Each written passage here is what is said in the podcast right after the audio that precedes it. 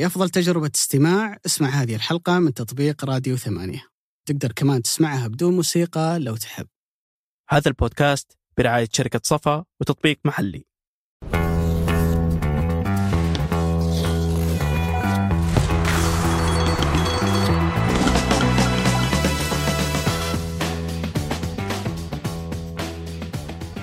حياكم الله. أنا بندر مشرافي وهذا بودكاست مرتدة الذي يأتيكم من ثمانية. هذه الحلقة رجعنا للدوري بعد غياب 45 يوم بعد بطولة أمم آسيا بعد التوقف الدولي بعد الميركاتو الشتوي بعد جولة جت بعد توقف طويل أشبه وكأنها معسكر صيفي و pre-season وبداية موسم جديد. وكنا مشتاقين إحنا نتكلم عن عودة الدوري تكلمنا بتفصيل كبير جدا عن نادي الأهلي عن مشاكل النادي الأهلي والمستقبل اللي ينتظره وهل كان من الجيد أنك ما ما تتعاقد مع ولا صفقة. هذا هذه الشتوية؟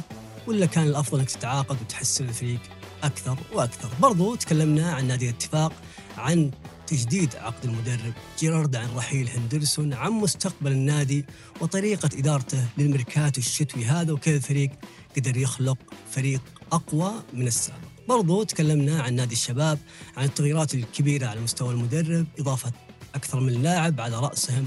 الكرواتي راكيتيتش ومدى تأثيره بعد رحيل بنيجا وأيضا تكلمنا عن نادي الاتحاد والأزمة الكبيرة أو النادي الأكثر أزمات هذا الموسم من أزمة بنزيما إلى أزمة المونديال إلى أزمة المدرب نونو سانتو. والآن الأزمة أو المرحلة الجديدة اللي ياخذها النادي في مسألة تحقيق أهدافه بعد الكثير من القرارات اللي اتخذها على مستوى الرئيس الرئيس التنفيذي والمدير الرياضي وأيضا المدرب وتعيين متحدث رسمي هو مسؤول عن النطق بكل ما يقوله النادي في وسائل التواصل الاجتماعي إضافة إلى ذلك تحدثنا عن نادي النصر عن قيمة قيمة الأسماء الكبيرة اللي قدمها كاسترو مع نوعية وجودة الأساليب الفنية وكيف هذا النادي بهذه الجودة مو قادر أو مو قادر يوصل لصدارة الدوري مو قادر ينافس أو يفوز على الهلال وكيف ممكن لكاسترو إنه ينهي هذه العقدة. أخيرا تكلمنا عن النادي الأكثر قوة، عن النادي الأكثر انتصار، عن النادي الذي لم يخسر. حتى الآن، تكلمنا عن لاعبين تحديدا نفز ومتروفيتش. أحب أشكر رعاتنا شركة صفا وتطبيق محلي، أما الآن أترككم مع وحدة من أجمل حلقات بودكاست مرتدة. بعد 45 يوم أبو علي يرجع الدوري ونرجع لإثارته. هل أنت مستعد؟ والله شوف من ناحيتي أنا مستعد لكن أعتقد إن اللي شفناه خلال الجولة الماضية الجولة 20 الانديه السؤال هل هي كانت مستعدة ولا لا؟ أنا استوقفني صراحة تصريح كان الكوزمن كونترا مدرب نادي ضمك بعد مباراتهم مع نادي الشباب فقال إنه بعد التوقف اللي كان الفترة الماضية لا تنتظرون من الأندية إنها تظهر مستواها الطبيعي بنحتاج وقت على ما نرجع مرة ثانية. موقف غريب يعني يكون عندك فترة توقف طويلة كما لو إنها فترة التوقف اللي في الصيف وترجع مرة ثانية. المشكلة إنك في ال pre-season زي ما قلت لعيبتك كلهم معاك وأنت تعسكر فيهم. لا لعيبة دوليين لعيبة في أفريقيا لعيبة في آسيا. وفيها سوق انتقالات شغالة أثناء الفترة ذي. فالوضع شوي غريب ومربك. يمكن يشبه اللي صار في العام الماضي وقت كأس العالم.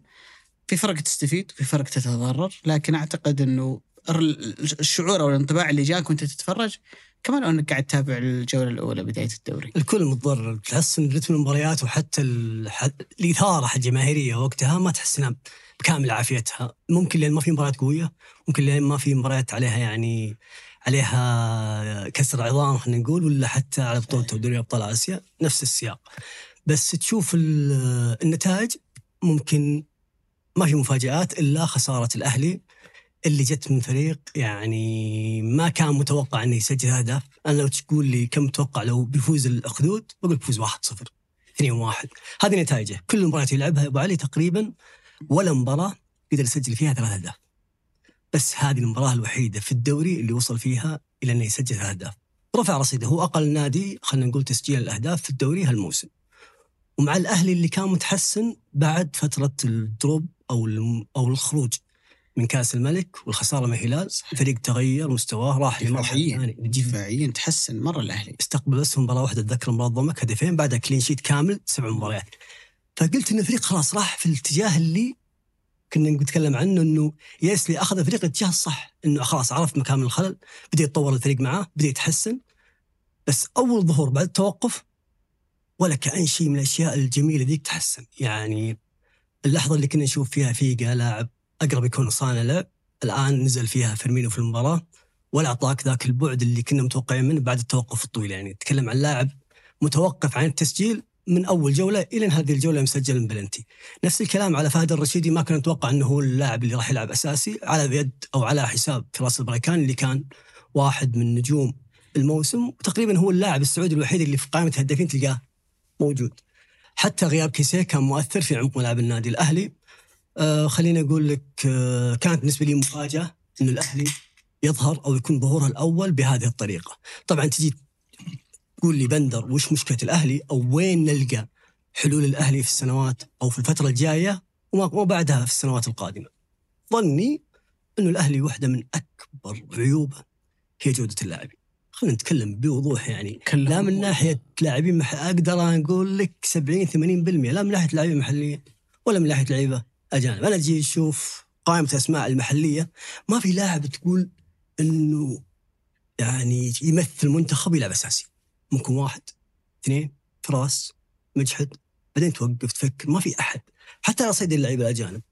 لما تشوف مثلا على سبيل المثال ديميرال المدافع كم مباراة لعبها الموسم ترى ما لعب إلا ثمان مباريات. من ضمنها ستة أساسي واثنين كان جاي من الدكة يعني لاعب حرفيا معطوب. إصابة ورا إصابة ورا إصابة وأنت تحتاجه في مثل هذه المباريات أو أقل شيء في أجزاء معينة من الموسم. أنت عشان تنافس مو أقول لك على لقب حتى على مقعد آسيوي لازم تكون جيد على الأقل ثلاث أرباع الموسم. ربع تكون تعاني فيه ما عندك مشكلة. لأنه عملية المنافسة على صعيد الدوري تغيرت من سنوات وتحديدا في في العقد الأخير أو في العقدين الماضية صار البطل أو الفريق اللي يجيب البطولة في الغالب تلقاه يحقق نقاط مرة عالية والثاني يكون منافس له تجيب نقاط؟ المفروض تحقق فيها اللقب. فما بالك المركز الثالث والرابع. فجودة اللاعبين يا أبو علي واحدة من أكثر المشاكل. فيرمينيو على سبيل المثال ما جاء من ليفربول حتى الآن. ماكسيمان على سبيل المثال مباريات كثير كان غايب بسبب إصابة. نفس الكلام على كيسي غاب كثير الاصابه مع إنه هو أفضل اللعيبه الأجانب تاثيرا في النادي الأهلي. فيجا لاعب شاب صغير هو متحمس وده يعطي. بس تحس إنه فاقد أشياء كثير في في في ذهنية اللاعب حتى في في قراراته في أرض الملعب. نفس الكلام ينطبق على على ميندي. ممكن بداية الموسم كان يعاني من drop تطور مستواه تحسن. ممكن إيبانيز برضه هو استثناء مع كيسيه. بقية العناصر يعني عدد كبير منهم أنت حرفيا تفقد الجوده يعني تحتاج لاعب جناح. أنا تركت محرز على جنب لأني صراحة أشوفه مو ما هو معطيه قيمة للنادي الأهلي. يعني ما هو مستشعر مكانك أنا يعجبني سلوك بنزيما لما يزعل زين وما يحضر المعسكر. يكون شوي فيه نوع من التمرد بس عنده غيرة على الفريق. يعني الرجل يعني سبب إنك ما جيت أو سبب إني أبى أتمرد على النادي إني أبغى الفريق يصير كويس. محرز لا ما له صوت. لاعب ما يعني ما تشعر إن اللاعب عنده دافع للنجاح. تجي تشوف الميركاتو أو تعاطي الأهلي مع الميركاتو هو الميركاتو الأول للأهلي ما يتم وصفه. وأنا مع هذا السلوك. ليش ابو علي؟ لأن التحضير الجيد لفترة انتقالات الشتوية الصيفية عفوا وليس الشتوية الصيفية أفضل من إنك تجري صفقات في الشتاء الغالب صفقات الشتاء ما تكون قوية. لعيبة غير مرغوب فيهم ما راح تجيب صفقة بقيمة وجودة عالية لأن ما حد راح يفك نجومه في نهاية الأمر. بينما تحضر نفسك للفترة القادمة أو للصيف ميركاتو أكبر آه، عملية اختيار واسعة لاعبين كثار أفضل لك من إنك تكون محدود في الخيارات زائد انه النظام الجديد اللي يقول لك 25 لاعب راح يحط لك خلينا نقول سقف في عملية الاختيار. يعني بتكون مضطر إنك تمشي عدد كبير من اللاعبين عشان تعوضهم. صحيح. يعني وأنت خلينا نقول إنك تكون منطقي في أهدافك هذا الموسم، يعني في انديه دفعت الثمن الموسم الحالي. يمكن أكثر حالة واضحة هو الاتحاد بسبب القرارات اللي أخذها في نفس هذا الوقت من الموسم الماضي لما أخذ قرار إنه يجدد مع كورنادو وقروهي وحجازي وكذا لاعب ويمكن حتى حمد الله. فوجد نفسه في الموسم التالي لما حب إنه يغير هو ورطان لأنه جدد عقود كذا لاعب لأنه منافسة ذاك الموسم أجبرت على أن يأخذ قرارات هي مفيدة في وقتها لك لما تأخذها على المدى البعيد ممكن تكون آه مضرة. ممكن جمهور الأهلي يتخوف أنه قضايا اللي طلعت عليه الفترة الأخيرة اللي قصص المنع من التسجيل إنها ممكن تعود مرة ثانية في الصيفية القادمة فبالتالي بتكون فاتتك فرصة إنه أنت تعزز صفوفك الفترة الحالية. هذا خبر يا أبو علي وليس معلومه. آه غرفة فض المنازعات أنا كنت قاعد أقرأ عنها اليومين اللي راحت. القرار الصادر إنه إيقاف فترتين. بس الأهلي سوى استئناف إنه يفتحون له. يعني معناته بيتوقف الصيفيه. المفروض توقف. إلا إذا صار شيء مختلف. ما أعرف إذا ممكن يكون في اتفاقية في شيء بينهم لأنه مم. فيها بعض الضوابط الخاصة فيها ممكن الأهلي يتجاوزها. طيب ه- هذه مشكلة. لكن أعتقد أبو عالي يمكن الشيء الغريب في الأهلي. أنك لو أنت تأخذ الفترة الأخيرة زي ما قلت بعد الخروج من أبها أو الفترة هذه تحديدا يمكن يمكن خلينا نقول آخر عشر جولات من الدوري الأهلي يعطيك شعور في مباراة أنه هذا الفريق خلاص مسك الطريق الأمور في الأهلي واضحة الفريق الفترة الجاية المفروض أنه يتحسن يبدأ المستوى يعلى نتائج تصير أفضل لكنه يصدمك أنه في المباراة التالية هو ممكن يقدم وجه مغاير تماما عن اللي شفته في المباراة اللي راحت. أتذكر مباراة الاتفاق اللي تعادل فيها 0-0 مباراة الشباب يتقدم 2-0 ثم تنقلب عليه 2-2 أمام ضمك. الفترة الأخيرة النتائج كانت جيدة، صلابة الفريق الدفاعية كانت جيدة. تجي وتخسر بالثلاثة ضد صاحب أضعف خط هجوم في الدوري تساؤلات كثيرة. تجي عند المشجع الأهلاوي أنه هو ما يعرف المباراة الجاية بأي بأي وجه الفريق راح راح يظهر وأعتقد أبو علي إن الأندية اللي اللي تعاني من مشاكل من هالنوع اللي هي قصة إنه النادي مرة فوق ومرة تحت. في الغالب أنا أعتقد إنها مرتبطة بأسلوب اللعب. إنه أنت عندك أسلوب لعب تعتمد عليه. إذا وجد هذا الأسلوب ثغرات عند المنافس طرق يستطيع من خلالها إنه يصل بيوصل وبيسجل. إذا المنافس تكيف مع مشاكلك وعيوبك اللي موجودة عندك راح يقدر إنه يؤذيك دفاعيا هجوميا وبالتالي راح يقدر إنه إنه يكسبك. نقول هالكلام أبو عالية.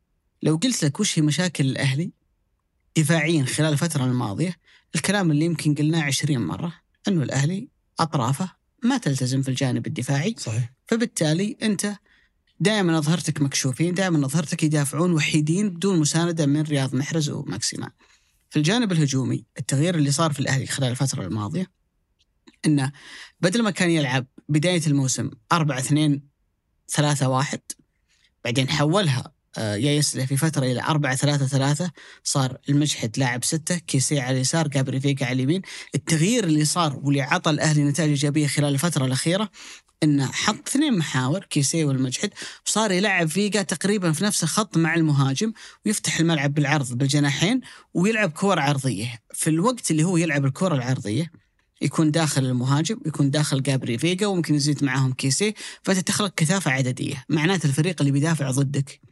وش النقطة الأساسية اللي لابد انه يكون منتبه لها العرضيات صحيح وش النقطة الأساسية اللي يقدر يضرك من خلالها؟ هي أن على الأطراف بسبب أن أجنحتك ما ما يدافعون. تتفرج على المباراة الأخدود فعليا رسم المباراة وفقا لهذا السياق. لعب خمسة أربعة واحد فبالتالي أنت متعود تواجه فرق تلعب ثلاثة بأربعة مدافعين سنترين فأنت تهاجمهم فيجا ومهاجم مع ان فيجا في المباراة هذه لعب كلاعب ثمانية لكن أنت تواجههم بلاعبين مع زيادة ممكن من لاعب تأتي من الخلف. هو لا حط لك ثلاثة سناتر والثلاثة كلهم طويلين لا سعيد الربيعي ولا بوركا ولا حتى مدافعهم الجورجي سولومون. يعني الثلاثة كلهم طوال كلهم ممتازين في الكرات العرضية. الاخدود إذا كنا نتكلم في الجانب الهجومي غير جيد لكن تراه كفريق صاعد أرقام الدفاعية هذا الموسم ممتازة. تشوف أهداف الأهلي في المباراة؟ واحد أول من جول. والثاني بلنتي مجاني من لاعب الأخدود لأنه في اللحظة اللي محرز كان داخل منطقة الجزاء كانوا ثلاثة من لعيبة الأخدود عليه فبالتالي تقدر توجهه على برا. ما في ذيك الخطورة البالغة اللي تقول أنا مضطر إني يعني أسوي تاكل على اللاعب فيا أخذ الكور يا أتسبب في في ركلة الجزاء فعليا أفكار الأهلي الهجومية ما وصلته إلى أنه يسجل في مرمى الأخدود. تجي للمشكلة تحديدا في الجانب الدفاعي.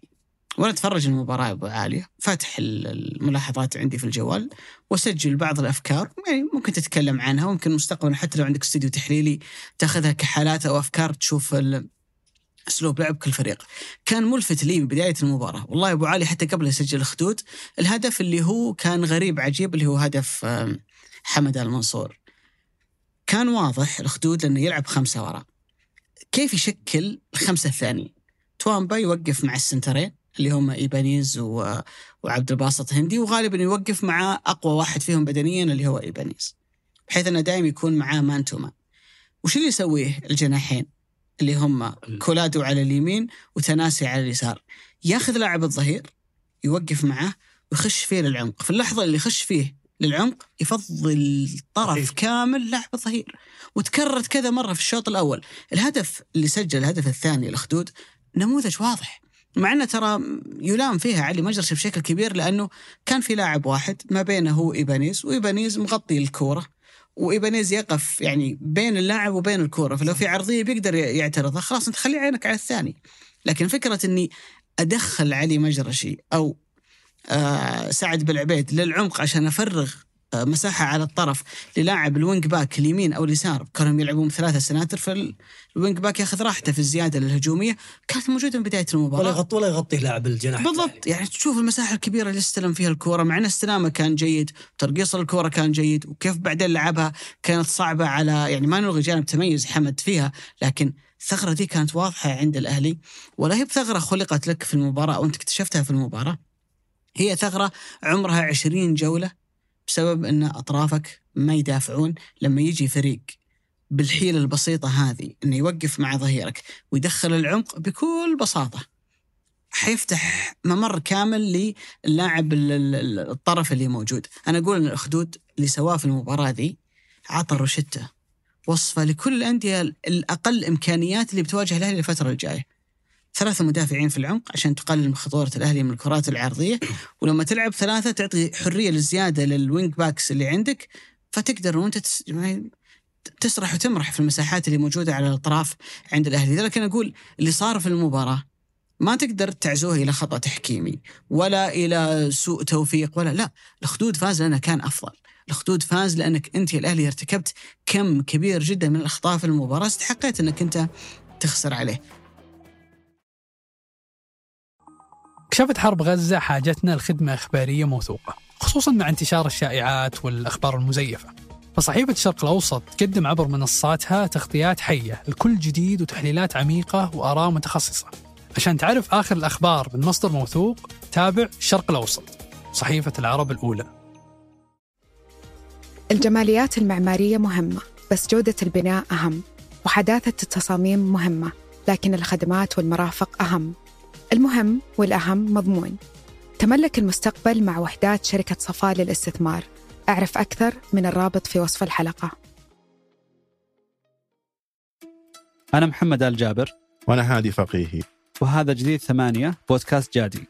كل أسبوع بنجلس نتناقش حول مواضيع اقتصادية واجتماعية ونتناولها من زوايا مختلفة. ونعرض فيها سياق جديد للأحداث والظواهر الاجتماعية. اشترك في بودكاست جادي من خلال الرابط في وصف الحلقة. في نقطة أنت قلتها أبو عالية اللي هو موضوع جودة اللاعبين. اللعيبة الأجانب خلينا نحطهم على جنب. تكلم عن اللعيبة المحليين، الأهلي أنهى المباراة. تشكيلته فيها عبد الباسط هندي، فيها سعد بالعبيد، فيها علي. علي مجرشي، فيها محمد المجحد، فيها زياد الجهني، فيها فهد رشيد وفيها وفيها فراس بريكان وفهد الرشيدي طلع على الدقيقة 60 فأنت تقريبا تتكلم عن ستة سبعة لعيبة من اللي غيرهم من السعوديين يلعب عادة. تقريبا هذول هم الأبرز. في فترة كان يلعب سميحان. بسام الحريجي سميحان عبد الله العمار. هذول هم علي الأسمري. هذول هم اللعيبة المحليين اللي عندك. هنا لابد أنك تسأل نفسك سؤال. في مركز كل لاعب من اللعيبة اللي إحنا ذكرناهم. لو أنا بسوي قائمة توب 3 للعيبة السعوديين اللي يلعبون في هذا المركز. مين أفضل ثلاثة؟ ظهير يسار. مين أفضل ثلاثة ظهير يمين مين أفضل ثلاثة قلوب دفاع مين أفضل ثلاثة لعيبة وسط دفاعيين سواء محور ستة ولا ثمانية مين أفضل ثلاثة أجنحة. الوحيد اللي بتحطه في القائمة هذه هو فراس البريكة ممكن المجد لما تجي المجحد يعني ممكن ممكن مع ولا تتمنى يكون عندك لاعب إيه. محلي في هذا المركز مع أنك في المركز هذا ممكن تقول محمد كنو، ممكن تقول عبد الله الخيبري، ممكن تقول مختار علي، يعني ممكن تعطي عدة أسماء إذا أنت بتدخل المجحد فأنت بتعتبره ثالثة.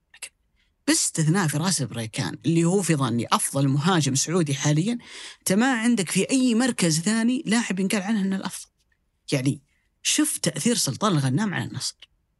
وتأثير سعود عبد الحميد على الهلال وتأثير علي البليهي على الهلال لما يلعب وسالم الدوسري عبد الرحمن غريب في الفترات اللي شارك فيها مع مع النصر. اي لاجامي في النصر. علي لاجامي إلى حد ما بدأ الفترة الأخيرة يعطي تاثير جيد اللي هو فيصل الغامدي مع الاتحاد. مين اللي عندك مؤثر غير فراس بريكان هاي هذه هذه هذه وش يدلك عليه يا أبو عالية؟ هذا هذا يفسر قائمة المنتخب الأخيرة في كاس أمم آسيا كان فيها ثلاثة لعيبة من الأهلي.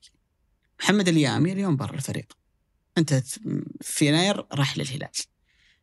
آه. ريان حامد مدافع شاب نفس وضع طلال الحاجي نفس وضع كذا لاعب ياخذهم مدرب المنتخب علشان يعودهم على أجواء المنتخب وإذا ما كنت غلطان ترى ما شارك في أي دقيقة في كاس امم اسيا الوحيد اللي كان من الأهلي يعتبر لاعب دولي لاعب منتخب هو فراس بريكان وجاي من الفتح. فأنت عندك مشكلة واضحة على مستوى جودة اللعيبة المحليين.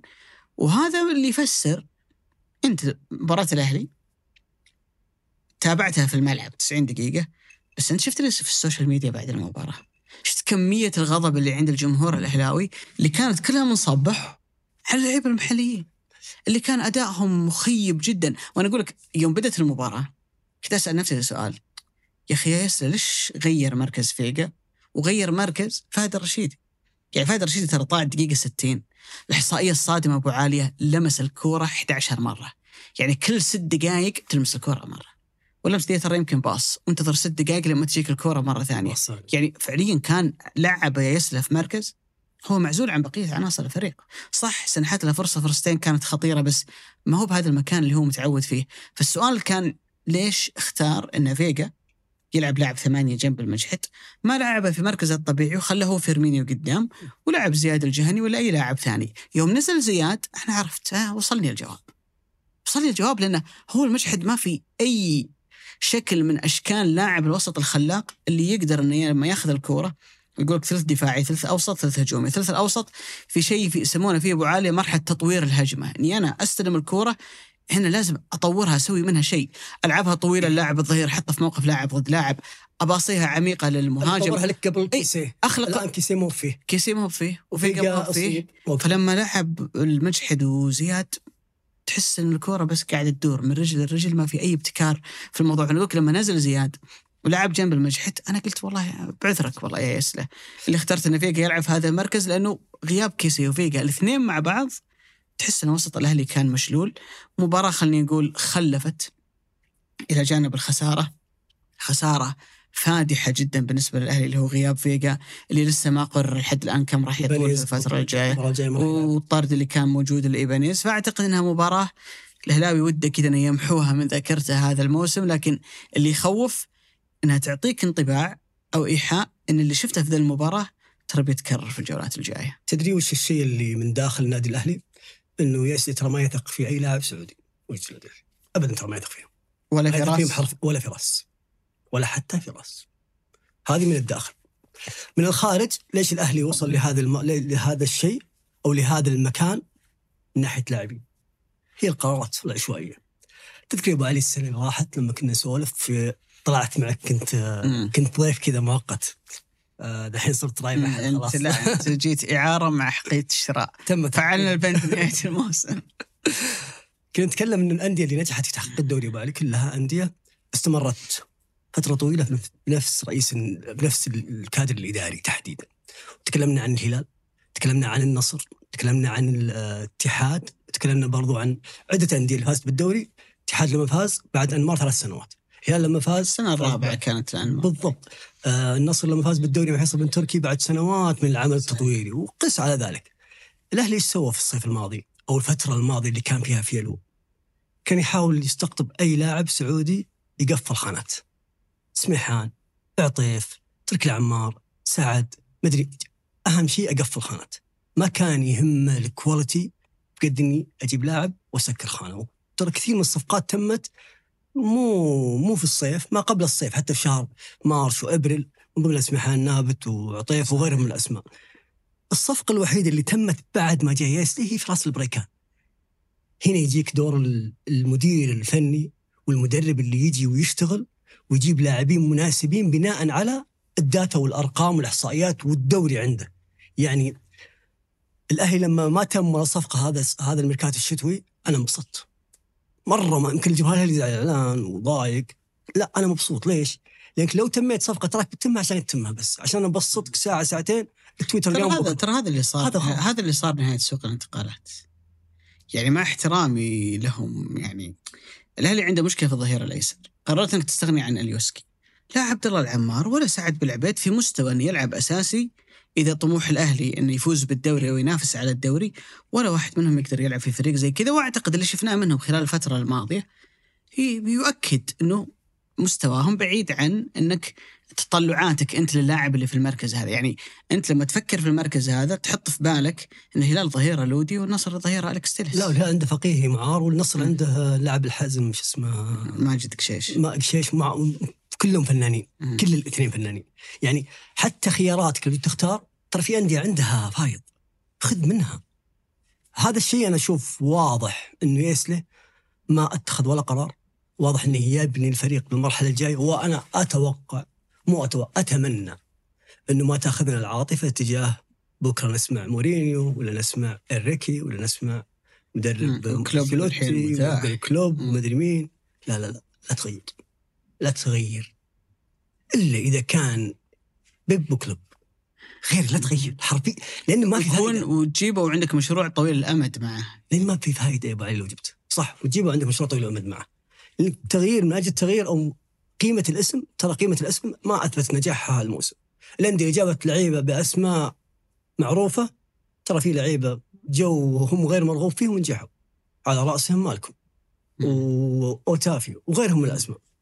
فخلنا نقول الأهلي هدف هذا الموسم إنه يصعد إلى دوري أبطال آسيا أو يتأهل دوري أبطال آسيا. بس أبو تقريبا علي قبل التوقف كان طموحه مركز ثالث. وهو في المركز الثالث. الآن مهدد المركز الثالث. ما هذه المشكلة. اي بالضبط. عشان كذا أقول لك الهدف الآن هو المركز الثالث. ما أقول لك المركز الرابع لأن المركز الرابع ما يضمنك إنك توصل في دوري أبطال آسيا. لذلك المركز الثالث هو الهدف والهدف إنك تتأهل لدوري أبطال آسيا. بعد ما توصل لبطولة آسيا ممكن مع الميركاتو الشتوي وعفوا مع الميركاتو الصيف الطويل وخلنا نقول بعد التقييمات اللي راح تطلع من السيد يايسله لأن لأن الألمان ترى ترى مرة دقيقين يا ابو علي والناس اللي في الأهلي يعرفون قديش ياسلي مرة حاسبها بمسطره وقلم حاسبها حاسبها. ممكن هو ما نجح أو الفريق مو جالس ينجح في أرض الملعب بس ترى في أشياء كثير نجح فيها خلف الكواليس. هي الن- النموذج أبو علي اليوم اللي إحنا قاعدين نشوفه في الكورة ومنتشر بشكل كبير جدا هم المدربين الشبان اللي أصحاب المدرسة الحديثة في الكورة.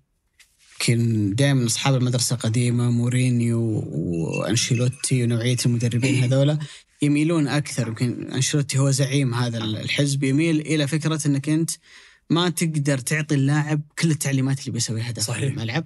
وحتى نوعية التمارين ونوعيه الإعداد يعني تكون معقولة. أنا ما أقول متساهل بس معقولة. في نوعية ثانية لا اللي الشغل صارم جدا. بس الهدف منه إن رفع جودة اللاعبين على مستوى اللياقة البدنية والتغذية وأشياء كثيرة.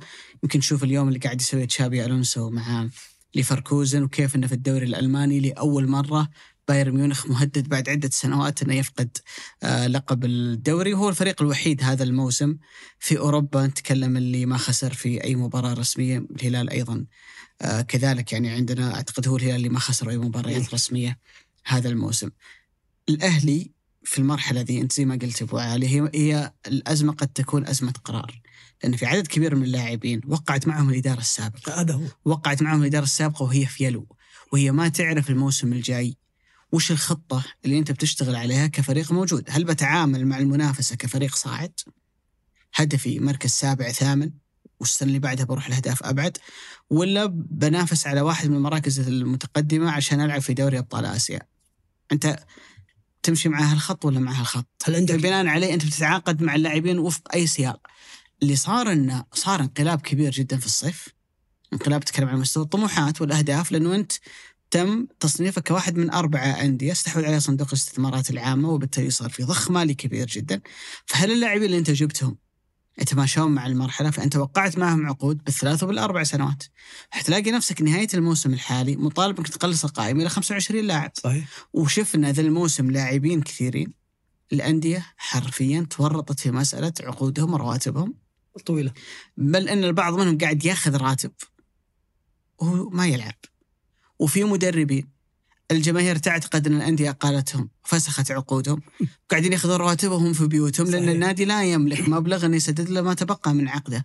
فأنت مقبل على مرحلة لابد إن قراراتك فيها تكون أبعد ما تكون عن العشوائية عشان ما تحمل نفسك زيادة على اللي كان موجود عندك. ولذلك أتفق مع الكلام اللي أنت قلته يا أبو علي أنت أنت في المرحلة ذي لا تورط نفسك في أي صفقات أنت بكرة بتدفع ثمنها ماليا. صحيح. لأنه شفنا الاتحاد مثلا بداية الموسم تدارك الوضع وطلع اثنين يمكن حجازي كان مصاب وجوتا دبروا اموره كان برا القائمة لأن اضطروا في الشتوية إنهم يسجلون الاثنين فكان ضحية كورنادو وقروهي. أنت ممكن تنحط في نفس الموقف على مستوى اللعيبة الأجانب أو حتى على مستوى اللعيبة إيه. المحليين وتلاقي نفسك في نفس الأزمة نهاية ال- الموسم في الصيف. فبالتالي علشان ما تطول فترة عودتك ودخولك في المنافسة مع فريقين قاعدين يوسعون الخطى بينهم وبين الأندية اللي وراهم اللي هم الهلال والنصر تحتاج إنك تكون أقل اخطاء وأكثر ميلا إلى أن قراراتك دائما تكون في السيف سايد أو إنها ما تورطك الفترة القادمة. أقل اخطاء وأكثر استقرارا ممكن الاستقرار اللي كنا ما نتوقعه بعد رحيل هندرسون المفاجئ إلى. أياكس كنت أتوقع إنه الجو الإنجليزي في في الاتفاق بيتغير يعني كنت أنا كنت خلاص توقعت بعدها إنه جيرارد بيمشي بتفكك الفريق لأنه في شيء صاير في الداخل ما أعرف اللي صار إن جيرارد جدد عقده وكأنه آه، يرفع سقف الولاء مم. نادي الاتفاق وش الاتفاق هو النادي الأكثر أو ال أو الأكثر تحركا في سوق في سوق الميركاتو ال- الشتوي ولا مو هو لعيبة بس أجانب لا حتى لعيبه محليين يعني. واحدة من مشاكل الاتفاق كانت آه، عدم وجود جناح لاعب بقيمه عاليه كان بيجا واحدة من مشاكل هندرسون غادر فجبت بدالة ميدران واحد من أنجح اللاعبين في الدوري على مسألة خلينا نقول اللعب ال- لاعب الريجستل في التيت اللعب وجبت لاعب برضو بدني في خط الوسط يقطع لك المسافات بالكورة يعطيك في الزياده العدديه اللي هو فوفانا. وقس عليها في اللعيبة المحليين. تكلم عن الغنام تكلم عن آه، عبد الله مادو. عبد الله مادو. وبرضه تكلم عن. المهاجم هارون كمارا. العبود ولعل هارون كمارا ممكن يطرح فيني تساؤل عميق لأبعد درجة يا أبو علي. أكبر مشكلة واجهها اتفاق هالموسم إصابة ديمبلي اللي كانت بعد سلسلة فوز صحيح. أصيب ديمبلي حرفيا اتفاق ما ذاق طعم الانتصار؟ 110 يوم تقريبا ثلاثة شهور أربع, أربع شهور. ما يعادل 11 12 مباراة في كل المسابقات. وهذا يعطيك دلالة عن عن لاعب واحد أثر على المنظومة بشكل رهيب. إذا ما الحل؟ هل لازم أشتري أو أنا كمدرب يكون عندي لاعبين أجانب مهاجمين في مركز واحد عشان لو انصاب هذا؟ هذا يعوضه يعني على سبيل المثال الهلال عنده متروفيتش مهاجم. طيب لو انصاب متروفيتش في الهلال من بديله؟ أنت بتنظر غالبا إلى صالح الشهري في النصر رونالدو من بديله. سؤال الاتحاد؟ لا في أسماء كثيرة. فالمهاجم الثاني هذا البديل مهاجم تسعة اللي العادة يكون احتياط ما يلعب. بس إنه ترى اذا دائما أول واحد ينزل ترى. إذا نزل يعني المهاجم ميزة الم... يعني المهاجم البديل عن أي لاعب بديل ثاني إنه غالبا في كل المباريات ترى ينزل. ينزل. وإذا نزل؟ إذا أنت متقدم تنزل إنك تبي تريح الأساسي وإذا أنت متأخر تنزل إنك تبي تعود تعوض من النتيجه. بس وين تجيب اللاعب المهاجم البديل هذا اللي إذا نزل يسجل؟ تعرف مين؟ في ال- في ال- في ريال مدريد. واحد من أنجح اللاعبين المهاجم البديل. في السيتي على سبيل المثال في هالاند وفي ألفاريز ألفاريز هو المهاجم البديل اللي ينزل ويسجل. في ليفربول كان في فيرمينيو وكان في في الدكة أوريجي. أوريجي كان هو البديل اللي يسجل. وفي أند... في الإنتر سابقا كان فيه كروز. من أنجح اللعيبه اللي يدخل الشوط الثاني ويسجل. فمهم جدا يكون هذا النوعية من اللعيبة. على هل هارون كمارا هل فعلا هل هارون كمارا كذا؟ هل أنديتنا تفكر في لاعب التسعة اللي عنده تجربة كبيرة خبرة لما ينزل يسجل يعني يتعاطى مع المباريات ولا تفكر إن مهاجم الاحتياط أو المهاجم التسعة هذا يكون لاعب يقدر يلعب مهاجم ثاني يقدر يلعب مهاجم أقدر انزله وقت المباريات اللي يحتاج فيها انه يسجل فيلعب يصير الفريق يلعب اربعه أربع مهاجمين مهاجم رئيسي وواحد معاه مهاجم ثاني هنا يجي سؤال خلينا نقول جوهري كيف الأندية تفكر في هذه الخانة؟ هل الخانة هذه لاعب محلي؟ صراحة أنا ما أدري لأن هارون كمارا ما ما أشوفه يمثل أو ما أشوفه حتى في كفة توازي عثمان ديمبلي، يعني لو جيت تسألني أنا أقول لك عندك حمدان في الهلال، صالح الشهري في الهلال، متأكد إن واحد منهم ما راح يكمل الموسم الجاي بعد. تقليل عدد اللاعبين. فكان ممكن يكون هو الخيار الأنسب بالنسبة أو تروح باتجاه لاعب شاب زي عبد الله رديف أو محمد مران هذه أبو علي من فوائد اللي تكلمنا عنها تقليص القائمه إلى 25 لاعب واحد كان يعتبر خيار ثالث أو رابع في النصر اللي هو عبد الله مادو بمجيئه استغنى الاتفاق عن تسران واحد من المدافعين الأجانب وعوضه بإيكامبي كلاعب آه، مهاجم إضافي مع ديمبلي ومع قريع عشان الثلاثة يشكلون خط ال- الهجوم. قس عليها اللي بيصير الموسم الجاي إنه في لاعبين يعتبر بديل الأول أو يعتبر حتى لاعب عنده تجربة دولية يعني يعني قبل سنة تقريبا أو سنتين كان يلعب أساسي مع رينارد في المنتخب السعودي. فعنده تجربة وعنده خبرة ومتمرس على ضغوطات إنه يلعب في نادي كبير ونادي متطلب زي النصر و- والمتوقع ان الموضوع يزيد خلال الموسم الجاي. لكن أعتقد إنه زي ما قلت إنك تعوض الفريق أو تعالج مشاكل الفريق من داخل الدوري. مثل ما أروح باتجاه صفقات ممكن تنجح ممكن لا. أجيب الفارو مدران وأجيب إيكامبي الاثنين طبعا مدران من عدة سنوات وهو متألق في الدوري. إيكامبي ظهوره كان هو اللاعب الوحيد اللي فارق في نادي أبها خلال الفترة الماضية وشفنا ظهوره المميز في مباراة النصر في مباراة الأهلي في كأس الملك. حتى أمام الأندية الكبيرة أظهر نفسه أنه هو مهاجم وهو اسم معروف يعني في كرة القدم الأوروبية من لما كان مع نادي ليون. فأعتقد أنه ال- الأزمة ما بعد هندرسون أتوقع أنه الاتفاق أدارها بشكل جيد. حتى الصفقات يعني هو اللي حرك الميركاتو. صحيح. هو اللي لاعبيه كانوا يدخلون في صفقات ومقايضات كذا لاعب راح للاتحاد فيتينيو لما راح للشباب. وهو كان يمكن أكثر نادي نشط خلال الفترة الجاية. بس أنا بالنسبة لي إنه استمرار جيرارد وتجديد عقده كان خبر جيد. أعتقد إن التغييرات الكبيرة اللي صارت في الاتفاق والطموح اللي كبر في نادي الاتفاق يخليني أستصعب فكرة إنه الفريق بيعطي نتائج مبهرة ومختلفة من أول موسم. لابد إن نبدأ نتعلم إنه في مشاريع تحتاج إلى وقت خاصة لما يكون عندك دوري كله قاعد يتغير. والأندية كلها عندها مشاريع والأندية كلها عندها خطط إنها تكون في وضع أفضل من اللي كانت عليه. يعني كما لو أن المرحلة ذي هي اللي بتعمل انقلاب في تاريخك. يعني نادي ضمك اليوم يلاقي نفسه في وضعية إنه يعني ممكن ينهي الموسم واحد من ال- ال- الثلاثة أو الأربعة اللي فوق. إذا ما لعب في بطولة النخبة الموسم الجاي ممكن يلعب في البطولة الثانية. فالاول مرة حيلاقي نفسه نادي من الجنوب يلعب في استحقاق على مستوى آسيا حتى لو كان في البطولة الثانية الأقل أهمية. لما ضمك يكون عنده مشروع والتعاون عنده مشروع والفتح والاتفاق صعب كلهم ينجحون.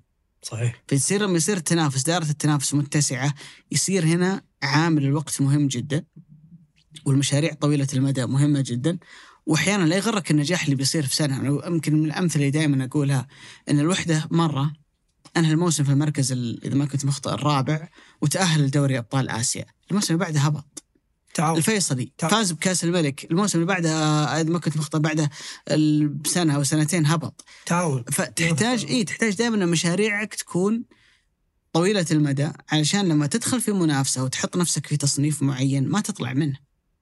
يعني نيوكاسل مثلا الموسم الماضي لما صعد إلى دوري أبطال أوروبا. أنا من الناس اللي كانت وجهة نظري إنه لسه نيوكاسل ما وصل إلى مرحلة إنه يصبح واحد من ال top four بيحتاج إلى سنين. توتنهام كم يحتاج؟ لما اقتحم ال- مساله ال top four والمنافسة صعبة.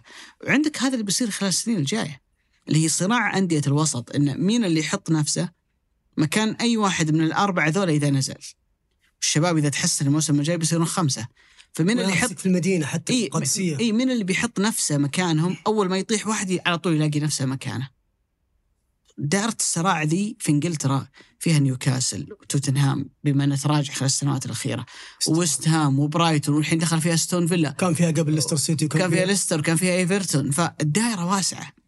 فبالتالي الأندية اللي عندها مشاريع طويلة الأمد وتجرب مرة ومرتين وتبني فريق على مدى سنوات مثلا أستون فيلا الموسم هذا. كم له يبني في الفريق الحالي. إيميليانو مارتينيز حارس كم سنه يلعب معه؟ صحيح. استثمروا استثمار كبير لما لما جابوا حاول أتذكر اسمه المدافع اللي جابوه من فياريال. راح عن بالي اسمه مدافعهم الأسباني. هذا هذا الاسبان المدافع الأسباني اللي اللي. اللي اللي اللي, موجود معهم. صفقة كبيرة جابوها. قبل جابوا جابوا المدافع البرازيلي اللي كان في ابو اشبيليه جيرارد هو يشتغل معهم. كان جيرارد موجود معهم. فبالتالي تكلم اليوم فريق نيوكاسل اللي أنت تشوفه. اللي قاعد ينافس على مركز من المراكز الاربع الأولى في الدوري كم سنة هو قاعد يبني فيه؟ يعني تاخذ ال 11 لاعب من تاريخ وصول أول واحد إلى آخر واحد كم خذ؟ يركبهم.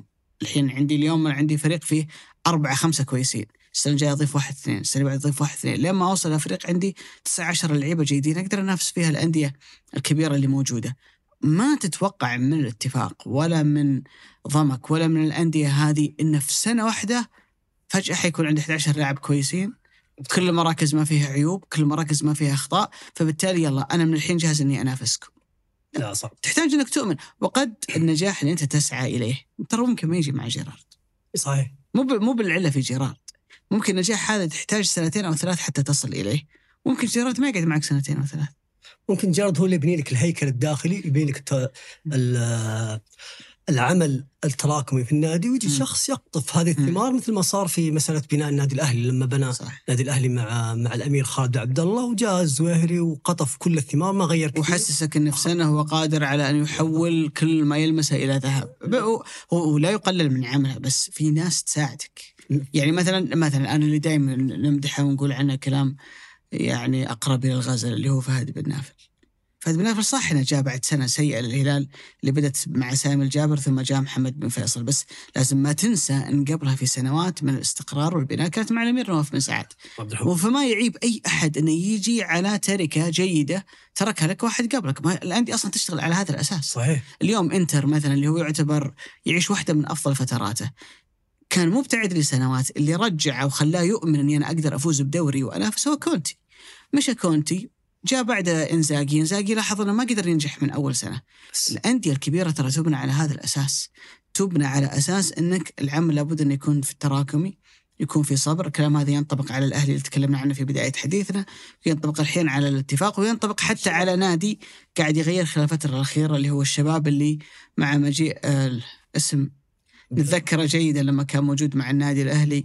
استوقفني إن آه، تشعر إن أكثر هدوءا وأقل حدة مما كان عليه لما. كان مع الاهلي يعني يمكن نقيس حتى على التصاريح اللي كانت الفترة الماضية ردة فعل اللي كانت على الدكة في المباراة الماضية أمام نادي ضمك. تحس إنه صار أثقل من الشخص اللي كان يعني حاد جدا لما كان موجود مع الأهلي خلال الفترة الماضية. وبعض المدربين ترى التنقل من نادي إلى نادي تدرب في تركيا تدرب في البرازيل تتعامل مع انماط مختلفة من اللعب. مختلفة من اللاعبين فتبدأ تتفهم أنه ما هي بكل فكرة موجودة في رأسك تقدر توصلها 100% للاعبين. أحيانا تقبل اللاعب الطبيعة المناخ العام تحتاج أنك تاخذ كل هالعوامل بالحسبان. وإذا تتكلم عن العوامل اللي موجودة في الشباب أعتقد أن موسم الشباب اللي يحتاجه فيه بس أنه ينهي الموسم هذا بأقل الأضرار.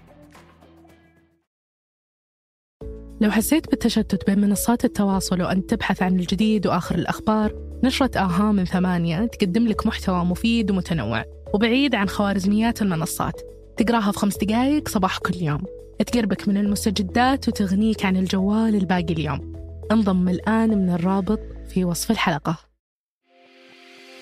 لو قلت لك أن 48 ألف متجر سعودي قرروا يجتمعون في تطبيق واحد يعرض لك أكثر من 7 مليون منتج. هل بتكون مهتم؟ هذا اللي صار في تطبيق محلي من شركة سلة التطبيق اللي يجمع كل متاجر سلة مع منتجاتها في مكان واحد. حمل تطبيق محلي من الرابط في وصف الحلقة. يعني حتى وإن كان فاز في المباراة الأخيرة أمام ضمك لكن في ظني لا يزال الفريق بعيد عن المكان اللي لازم الشباب يكون فيه. المكان الطبيعي اللي الشباب لازم يكون فيه إنه واحد من الثلاثة الأوائل الموجودين. في الدوري فأنت مريت بأزمة كبيرة جدا بداية الموسم ومر بأزمة كبيرة جدا خلال الميركاتو الشتوي لأنه كان في رغبة وطموح إن الشباب يغير أشياء كثيرة. لكن حسب اللي سمعناه والكلام اللي طلع في وسائل الإعلام سواء من المسؤولين الرسميين في نادي الشباب أو حتى كذا واحد مهتم يعني بالشأن الشبابي ومن عملوا في الشباب خلال السنوات الماضية إنه كان في رغبة للتعاقد مع أكثر من اسم لكن لأسباب مالية ما حصلوا على الموافقات اللازمة. لكن أهم تغيير صار في الشباب هي نهاية حقبة بانيجا وبداية حقبة جديدة راكيتيتش. يقودها راكيتيتش. إذا في فارق واضح أبو عالية ما بين الاثنين طبعا الاثنين في تشابهات كبيرة ما بينهم. كلهم لعبه وسط كلهم فنانين كلهم عباقرة كلهم جايين من اشبيليا كلهم كانوا كباتن اشبيليا كلهم فايزين بال Europa League. الفارق الواضح بالنسبة لي إنه بدنيا لا راكيتيتش واضح إنه أعلى أعلى بكثير من آه، بانيجا. بانيجا. يعني بانيجا و style ه أصلا لاعب كسول. راكيتيتش لا لاعب يجري في الملعب أكثر. إحصائياته هذا الموسم مع إشبيليا آه، يلعب كل المباريات أساسي. تقريبا معظم المباريات يلعبها بشكل كامل. من المواقع القليلة اللي تعطيك ال tracking اللي هو المسافات المقطوعة البطولات اللي تقدم إحصائيات يعني دقيقة في هالمجال. دوري أبطال أوروبا لو check على إحصائيات اشبيليا في دوري أبطال أوروبا هذا الموسم حتلاقيه من أعلى اللاعبين قطعا للمسافات. خلال السنوات الماضية تقريبا كل موسم يقفل موسم من 45 إلى 50 مباراة مع اشبيليا ويلعب أساسي مع المنتخب الوطني وتحس إنه يا أخي الكرواتيين في- توني بقول لك فيهم يعني تشوف بروزوفيتش وهو فوق الثلاثين تشوف حالة مودريتش مع ريال مدريد وهو بهذا العمر وكان قبل سنتين مع ريال مدريد لما فاز. بدوري أبطال أوروبا اللياقه البدنية. العالية بالضبط يعني مهما يكبرون تحس إنهم ال 35 الكرواتي هو زي 30 31 من جنسية ثانية قد زرت كرواتيا لا والله ما حصل التكوين الجغرافي في كرواتيا جبلي معليش أبو عاليه دقيقة. قبل قبل ما تستطرد آه. الجانب اللي ما يعرفون المتابعين عنك يعرفون إنك راعي كورة بس ما يدرون إنك رحاله كم كم دولة زرت يا لأني اجمل؟ أجمل بلد جيت آه، كرواتيا كم دولة وأجمل عالية؟ كثير يمكن 43 44 أوه. 43 إيه، في ال- في الرينج هذا مم. بس أفضل دولة زرتها كرواتيا وأجمل مدينة فيها دبروفنيك مدينة جبلية البيئة الاجتماعية أو البيئه ال- الجغرافية في كرواتيا جبلية وتشبه كأنها صحراء ولكن ما هي صحراء. كأنها شواطئ ولكن شواطئها آه، صخرية خلينا نقول لك. فهذا الشيء خلينا نقول يخلق بيئة مختلفة في التكوين اللاعب الكرواتي تحديدا. وفي ذيك الفترة اللعيبة ذولي راكيتيتش مودريتش بيريسيتش لا بروزوفيتش حتى كلهم ولدوا تقريبا في الفترة اللي فيها أزمة كرواتيا كانت حاضره على الصعيد السياسي تكلم حتى بداية عن- التسعينات اي تفكك اللي صار مع صربيا ومع بوسنيا الحرب الأهلية اللي قامت هناك وأثرت خلينا نقول حتى على على طبيعتهم من ناحية تعاملهم تعاطيهم مع الحياة لأنهم كانوا لاجئين ومن لاجئين إلى الحدود ومروا بمنعطفات مهمة. فالتكوين ال- خلينا نقول البيئي الاجتماعي الجغرافي يخليك يخلق خلينا نقول لاعب آه، إحنا نسميه عصب تحس إنه قوي جدا. فأتوقع هنا السر لأنه ما تختلف عن أوروبا يعني صح. باقي شيء. لياقيا لياقيا يعني ترى يعرف حتى إن شرق أوروبا تكلمنا عن الموضوع هذا مع ثامر الشهرين لما تكلمنا عن الطرق البديلة للتشافي من الإصابات مشهورين مرة الاطباء ترى اللي في شرق أوروبا اللي في صربيا صحيح. وكرواتيا بهالنوع من ال- ماريانا جرافي جرافي جرافينكا ذي الساحرة ذي ما حد إلا جاها. مم، نحن نتكلم عن دكاترة أبو. طب بديل. إي لكن لكن هم فعليا ترى في ال في الإعداد البدني كيف إن اللاعب يحافظ على نفسه لعمر متقدم. أعتقد إن أنت وتاخذ كرواتيا خلال السنوات الماضية الجيل هذا فعليا في شيء مختلف.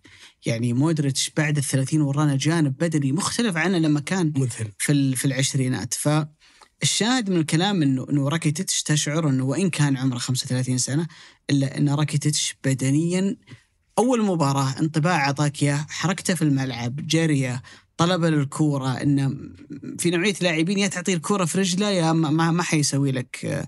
وإذا استلمها ترى يجري فيها خطوة خطوتين ويتخلص منها. لا ال- الانطباع الأول اللي شفته من راكيتيتش إنه شيء مختلف. عنده حلول. تكلم عن كرات ثابتة تكلم عن تسديد الهدف اللي حسمت فيه المباراة كان تسديد من خارج منطقة الجزاء. وأعتقد إن الشباب حسب ما أعلن العقد كان سنة ونص. خيار آمن جدا. ما بقي من هذا الموسم والموسم الجاي. تقدر تبني عليه مع رومان سايس مع مع كويار مع لما يرجع كيم أو تعوض بحارس ثاني عمود فقري جيد بالنسبة لنادي الشباب.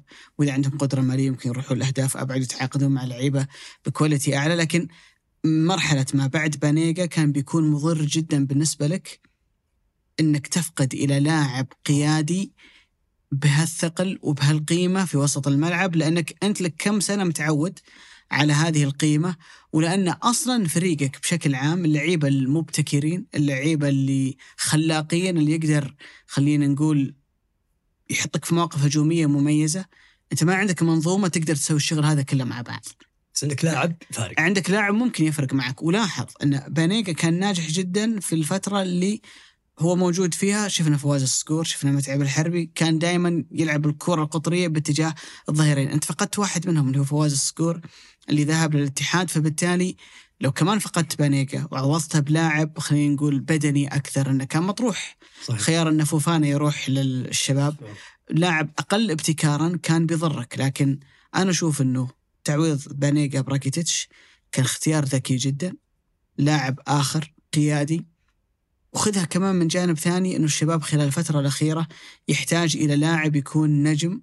وجوهره للمشروع لأنه بيسهل من عملية تعاقدك مع اللاعبين الآخرين بيعطي مثل أعلى بيعطي جانب قيادي وشخصية للعيبة الصغار الموجودين عندك والشباب على مدى سنوات هو بارع جدا في انه يقدم أفضل المواهب الشابة اليوم عندك عبد الله رديف عندك مصعب متعب. الجوير عندك متعب. متعب عندك نواف الصعدي واحد من أميز اللعيبه الشبان اللي تعاقدت معهم في الصيف الماضي فبالتالي أعتقد أنه الانطباع الأول أعطانا إياه راكيتيتش انه لا. رجل لديه الكثير ليقدم لنادي الشباب. فوز ترى في ملعب صعب. يعني الضمك ما انهزم أي مباراة هالموسم في ملعب لعب مع الاتحاد مع الهلال مع الأهلي مع الأهلي. أيضا. فلعب حتى مع الانديه الكبار وكلها ما خسر.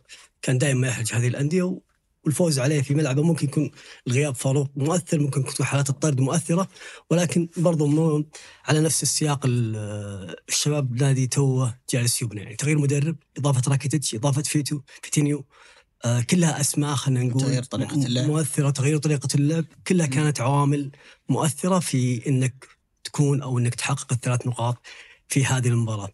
ممكن يا أبو علي إنك آه، تنافس هذه الأندية إنك ال- اللي دايم في الوسط وتحاول تاخذ خانة في المراكز المقدمة دايم تحتاج يا أبو علي أنا أشوفها إنه القوي يكون أضعف من الطبيعي والأقل يكون أقوى من الحالة الطبيعية. صحيح يعني في تجربة الفتح في تجربة ليستر سيتي في تجربة أي نادي أقل حقق الدوري تلقاه ما حقق الدوري بنقاط تاريخية على سبيل المثال. يعني ليستر سيتي توقع أنه حسم الدوري ب 81 82 نقطة. ترى من بعد ذاك الموسم ما في نادي جاب 82 نقطة جاب الدوري. ترى كلهم جابوه فوق مم. 90 حول ال 100 فهي تعتمد أو تحتاج إلى عدة عوامل. من ضمنها إنه يكون القوي أقل من الطبيعي وأنت كنادي متوسط تصير أقوى من الحالة الطبيعية. وغالب هذا الدخول اللي يكون في في سلم الدوري إلى الأعلى المفروض إنه يفرق معك على الحالة المالية. لأنه already بتشارك في آسيا already بتشارك صحيح. في مباريات أكثر دخل يوم المباراة راح يكون لك الرعاه راح يزيدون معاك حتى ال- التسويق للعلامه التجارية نفسها راح يكون أعلى بطبيعه الحال راح يفرق على المدى الطويل من هنا أو من الشباب ودنا نروح النادي آخر ونادي خلينا نقول هو اللي كان أزمة الموسم من اللحظة الأولى اللي بدأ فيها الموسم إلى كأس العالم للأندية واكيد إنك لا عرفت كمل أتوقع حتى بعد كأس العالم لا هدت الأمور أحس. لأزمة بنزيما الأخيرة مع جاياردو. آه، يعني تحس إن الاتحاد من بداية الموسم ما يت... يقول خلص من أزمة يقول خلاص الحين مركزين تطلع لأزمة ثانية. سواء لاعبين موضوع جوتا موضوع إقالة نونو سانتو يوم هدأت. الأمور طلع لك موضوع بنزيما ثم موضوع مين نضحي فيه؟ طيب كورونادو بنخالصه ولا بنبيع عقده ولا؟ تحس إن الاتحاد من بدأ الموسم والأمور لم تهدأ ابدا داخل الاتحاد البيت. وحتى لما كانت تصير مشاكل كان تحس إنه في حلول ودية أكثر من إنها حلول حلول جذرية يعني تنهي ال- المشكلة ف قبل ما نتكلم نتكلم عن تفاصيل الاتحاد يا أبو عالية ال- ال- الكلمة الواحد بس بيقولها هذا مناخ لا يساعد أي مدرب على إنه يقدم أفضل ما لديه. ولا يساعد أي لاعب على إنه يقدم أفضل ما لديه. أنا قبل شيء استشهدت بكلام بنزي بنزيما في عملية انه عنده الدافع للنجاح، هذا الشيء ترى يريحني أنا. المفروض إنه يريح المشجع الاتحادي. إنه نجم الفريق يبغى ينجح. مش نجم الفريق جاي يبغى ياخذ فلوس أو يبغى ما يهمه وبالنهايه في النهاية باخذ راتبي وأنا حققت كل شيء في أوروبا وتوي فايز بالكرة الذهبية. ولا, ولا راح أمثل فرنسا بسبب مشاكل كبيرة اللي مر فيها فيقول ما يهمني خلاص. بطقاق يعني حرفيا. اي بطق بطقاق وقريب من الحرم بصلي وارتاح. خلاص. والله حياه حلوة. يعني اي هذا يفكر زي كذا. بس اللاعب لا عنده رغبة بالنجاح. وممكن الاتحاد خلينا نقول هذه المشاكل الأزمات اللي مر فيها واحدا تلو الآخر المفروض إنه ما عاد نشوفها بعد المدير بعد البيان اللي طلع إنه كل قرار فني راح يكون بيد المدير التنفيذي والمدير الرياضي. والمدرب. وحتى المد- حطوا متحدث رسمي.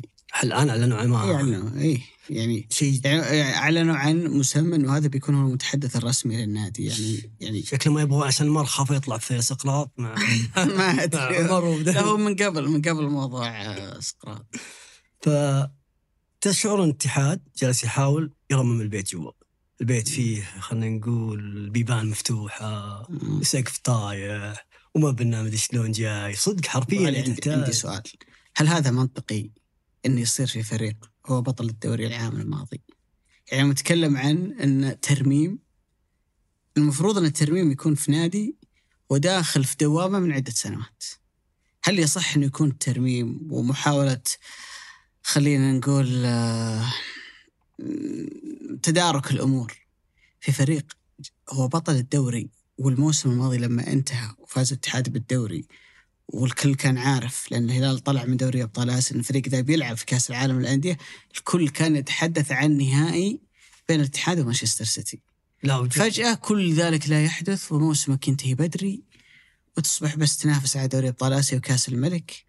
آه وإذا حظك زين إنك ما راح تصطدم بالهلال والنصر. في تدري الفترة هذه أو بتعطي أفضل ما لديك من أجل أنك تتجاوزهم. فجأة صار في نزول كبير جدا في تطلعات. الكل في نادي الاتحاد. يعني كل قرار اتخذ من بعد ما رفع الاتحاد الدوري كان أسوأ من الثاني. كل قرار اتخذ مم. كان حرفيا كان أسوأ من الثاني. لا من ناحية تعاطي مع مع الميركاتو لا من ناحية ما انت اخذتها وتكلمنا عنها وفسرنا فيها بعد من من المعسكر الصيفي لا من ناحية كل شيء كان كان خاطئ. ولما تأخذ في الكورة دايم المدير الناجح مو حتى بالكورة في كل شيء المدير الناجح يتبع قرارات صحيحة. كل ما كان قرارك صحيح كل ما كان النادي يمشي في مسار تصاعدي. وهذا الشيء كان موجود في إدارة الأمر الحائلي الفترة الأولى اللي كانت تجهيز تسديد الديون آه، شراء جلب حمد الله كورنادو حجازي. لما كان يبني الفريق حبة حبة لما وصل لذروة النجاح تشعر إنه حاول يتخذ كل قرار سيء. لو كان يبغى يدمر النادي ما قدر يدمر زي كذا بالطريقة هذه. فخليني أقول لك البيبان كانت مشرعة زي ما قلت لك. السقف في خرموية. حرفيا البيت الداخل في الاتحاد ما كان بيئة مثالية حتى للعيبة اللي جايينك. يعني أنت جايك كانتي جايك فابينيو جايك بنزيما. ترى من غير الجيد إنهم يجون يلقون نادي البطل الدوري كذا. إذا بطل الدوري زي كذا إيش البقيه وش وضعهم؟ تساؤل منطقي. إنه يسأل بنزيما وكانتي وفابينيو وغيرهم من الأسماء. بس صراحة يحسب لفابينيو كانتي. ما تشعر انهم تأثروا كثير بالجو العام والمناخ العام في الاتحاد. ممكن بنزيما هو الوحيد اللي اللي كان شوي حاد في في رده فعله. ومع حق صراحة إنك إنك تش- تشوف هذه المشاكل موجودة في الاتحاد. والاتحاد مقبل على استحقاق دوري أبطال آسيا مقبل على آه، دوري الدوري. وهدف مهم جدا إن يكون هدفك إنك تصعد أو تحقق المركز الثالث. وإذا كان أقل يكون الرابع. فالمنافسة ما هي سهلة ابدا على نطاق الدوري. بس الاتحاد خلينا نقول أعطانا انطباع جيد ما بعد التوقف. بعد الرحلة اللي كانت غير جيدة في في الإمارات بعد عدم لعب مباريات ودية في في الإمارات بعد مشاكل مسألة اللاعبين أو تجميع اللاعبين العدد ما كان كافي إنك تقيم معسكر حرفيا في في ذيك الفترة مع التوقف الطويل. ولكن ما بعد التوقف أربع مباريات ثلاث انتصارات آه، تعادل آه، كلين شيت في كل المباريات الفريق ما استقبل ولا هدف. ومباراة كانت جيدة حتى على مستوى دوري أبطال آسيا التعادل خارج ملعبك ضد خصم. ترى الخصم يلعب مع الاتحاد هو أفضل ثاني في المجموعات كلها. يعني جاري يجيب 13 نقطة بغى ياخذ الصدارة على الهلال. تعادل مع الهلال في تعادل مع الهلال في الرياض. يعني خصم مو سهل إطلاقا خصوصا على ملعبه. فنتائج على مستوى النتائج الفريق تحسن. على مستوى الأمور الأخرى الداخلية الفريق واضح إن في عمل تطويري. على مستوى أرض الملعب في مباراة الرياض ممكن ما في ذاك التغير الكبير على مستوى الأسماء أو الاختيار العناصر قد ما كان التغيير على مستوى الرسم. شفنا الفريق يلعب بالأربعة ثلاثة واحد اثنين. شفنا تقريبا رومانينو أشبه بلاعب صانع اللعب اللي يغذي حمد الله وبنزيما بنزيما العائد من فترة طويلة. وخلينا نقول إن فريق شكله في ارض الملعب كان صلب. ما تحس إنه ضعيف دفاعيا زي ما كان الفترة الماضية. سهل إنك تأذيه في في المرتدات سهل- إنك تشكل عليه خطورة ما تشوف عليه ذيك الخطورة المبالغ فيها ولكن هو على صعيد الخط الهجومي قادر إنه يصنع حل أكثر من حل أيضا. خلينا نعود بالزمن أبو عالية إلى ما يمكن تسميته الديسمبر البائس بالنسبة للاتحاد. خسر فيه من ضمك 3-1 في الدوري فاز فيه في مباراة كانت سهلة أمام أوكلاند. الرائد ومن ثم خسر 3-1 من الأهلي المصري ثم 3-1 من الرائد ثم الخمسة اللي كانت أمام النصر. شطبنا يلا يا لعيبة روحوا لمنتخباتكم الوطنية سواء في آسيا أو أفريقيا. ونسوي معسكر إعدادي نعوض فيه الخراب الذي كان في الصيف على مستوى إعداد اللاعبين بدنيا. اللي صار الاتحاد في الفترة هذه حظي بأسوأ معسكر ممكن لأنه كان في لاعبين ما انضموا للمعسكر ومشاكل بنزيما وزكريا هوساوي كذا لاعب زائد أن الفريق ما لعب ولا مباراة ودية خلال هذا المعسكر فبالتالي أنت ما سويت أفضل إعداد بالنسبة لك للمرحلة الثانية من الموسم. لكن في المرحلة ذي صار للاتحاد حاجتين مهمة جدا. يعني أنت تفترض أنه أنا عندي قائمة من الأشياء واحد اثنين ثلاثة أربعة اللي لازم أنا أسويها. صح ما سويت معسكر إعدادي جيد لكن في أشياء كان لازم تصير في الاتحاد من بداية الموسم وحصلت. أولها الاستقرار على الثمانية أجانب اللي أنت راح تكمل فيهم الموسم وأنك أخذت قرار نهائي. أن كورنادو وقروحي حيكونون خارج قائمة الفريق في الدوري تحديدا وفي المنافسات المحلية. الشيء الثاني أهمية عودة واحد زي أحمد حجازي بالنسبة لنادي الاتحاد. صحيح. يعني شوف الأرقام أبو علي اللي تكلمنا عنها. وكان مشارك في واحدة منها بس اللي كانت خسارة الأهلي المصري. وشوف بعد العودة تكلم عن أربع مباريات الاتحاد ما استقبل فيها ولا هدف. سجل بالراس. اللاعبين أبو كرة. عالية المدافعين. المدربين دائما يقولون للاعب خلي عينك على الكورة وخلي عينك على اللاعب. لأن واحد من أكبر المشاكل اللي يقع فيها المدافعين انه يناظر الكورة وينسى اللاعب. حجازي ما شاء الله تبارك الله. يعني أنا كنت أتابع كذا وت... لما الهجمة الكاميرا تجيب حجازي أنسى كل لعيب وأتابع حجازي. حجازي أضاف بعد ثالث قل ما تجده عند المدافعين. عينه على الكورة وعينه على المنافس وعينه على كل اللعيبة اللي موجودين تحت نظره. يعني حجازي تلقاه كذا الكورة طالعة على الطرف يتابع الكورة ياخذ لفة ي... الأقرب مهاجم وياخذ لفة ويشتري يقول المحور ذا اللي ما معه أحد واحد يجي يغطيه. ذا اللي بيتقدم الخلف انتبهوا له لا يجي يعني ما شاء الله عليه كيف إنه كاشف الملعب. آه. جانب الدفاعي كقائد إنه ياخذ الكابتنية وبنزيما موجود. يا رجل لا يشك عاقل إنه يستاهل ان يكون قائد هذا الفريق بالجانب القيادي والشخصية اللي عنده. البعد الثاني اللي أضافه أحمد حجازي إن خدم الاتحاد كثيرا وجاياردو في مسألة بناء اللعب من الخلف. صحيح. حجازي يعني أنا ما أدري ليش كان يعتبر لسنوات إنه ما هو مدافع مرة. يعني بارع في عملية بناء اللعب. لو تحاول كذا تقول مين في مدافعين لعبوا في الدوري السعودي ممتازين ورائعين في عملية البناء من الخلف بيجي في بالك جانج بيجي في بالك آه علي البليهي بيجي في بالك لابورت حاليا اللي موجود مع النصر إيبانيز بالمناسبة اللي هو اليوم كإحصائيات وأرقام أكثر لاعب في الدوري يعمل تمريرات الأمام هو إيبانيز. اللي كان اللي كانوا يقولون ما يبني. اي يعني ما هو ما هو بلاعب وسط ولا هو ايبانيز اللي يعتبر قلب دفاع. فحجازي من أروع اللاعبين في هذا الجانب وأعتقد إنه في جزء منه موجود في حجازي وفي تكوين حجازي لكن في جزء كبير منه للأمانة طورها فيه نونو سانتو خلال الموسم الماضي اللي كان ناجح جدا بالنسبة للاتحاد. إذا في تغيير صار في الاتحاد ترى له في المعسكر وله على مستوى القرارات ولكن حسم موضوع الثمان أجانب وعودة أحمد حجازي حل غيرت غيرت الاتحاد بشكل كبير جدا. ولكن إحنا قاعدين نتكلم عن أربع مباريات. الاتحاد فاز في ثلاثة وتعادل في واحدة. ما استقبل ولا هدف. ال- أمام ال- الرياض الفريق فاز نتائج جيدة. تبدو الأمور إنها تسير باتجاه إنه الاتحاد القادم أفضل. لكن فعليا أنا لازلت أرى إنه الاتحاد بيبان فريق رائع. وما عنده عيوب وما عنده مشاكل أمام الأندية اللي ما هي قادرة تصعب عليه المباراة بدنيا. تخيل وأنا أتابع المباراة أمام الرياض إنك تنزل بنفس التشكيلة هذه القادم الآن ما بعد نف بخور لو انت عديت بتلعب مع الهلال مباراتين في دوري أبطال آسيا في دور الثمانية وبتلعب مع الهلال في الدوري وجايتك مباريات جايك الأهلي وجايك النصر على مستوى الدوري وانت واصل نصف نهائي كأس الملك وعندك تنتظرك ال- في القرعة في الكأس وفي السوبر قدامك الهلال وقدامك النصر. بهذا الشكل بدنيا أنت بتعاني في أمام أي فريق يرفع عليك المباراة بدنيا وإن الله أحيانا وسجلنا حلقات بعد المباريات هذه أنا شبه متأكد ان بنشير للنقطة هذه إن في وجود بنزيما وحمد الله وعدم قيامهم بادوار دفاعية كبيرة جدا. وإذا ثالثهم اللاعب اللي تحتهم بيكون رومارينيو وعندك هذا الكم من اللاعبين اللي بدنيا ما هم في أفضل حالاتهم؟ أنت بتعاني. تعاني أم- أمام أي فريق يرفع عليك الرتم. لكن لما تواجه الرياض تواجه الطائي تواجه الفيصلي الأندية اللي أنت بالقدرات اللي عندك تقدر إنك تتغلب عليهم وهم قدرتهم على أنهم يصعبون المباراة بدنيا عليك من خلال الضغط العالي من خلال الصراعات الثنائية. أقل قدرة على أنهم يصعبون المباراة عليك. أنت بتبان أنك فريق كويس وما عندك مشاكل وما عندك عيوب. كيف؟ جزء منها تكوينك. دي لا ب... جزء منه أنك أنت لا تزال تحتفظ بكم كبير من اللعيبة اللي فوق الثلاثين. لا السؤال مو كذا يا أبو علي. آه ليه ليش موجود أسماء كثيرة ما تدافع؟ يعني أهل الأهلي بتلقى ماكسي ومحرز ما يرجع فيرمينو حتى ما يرجع يغطي.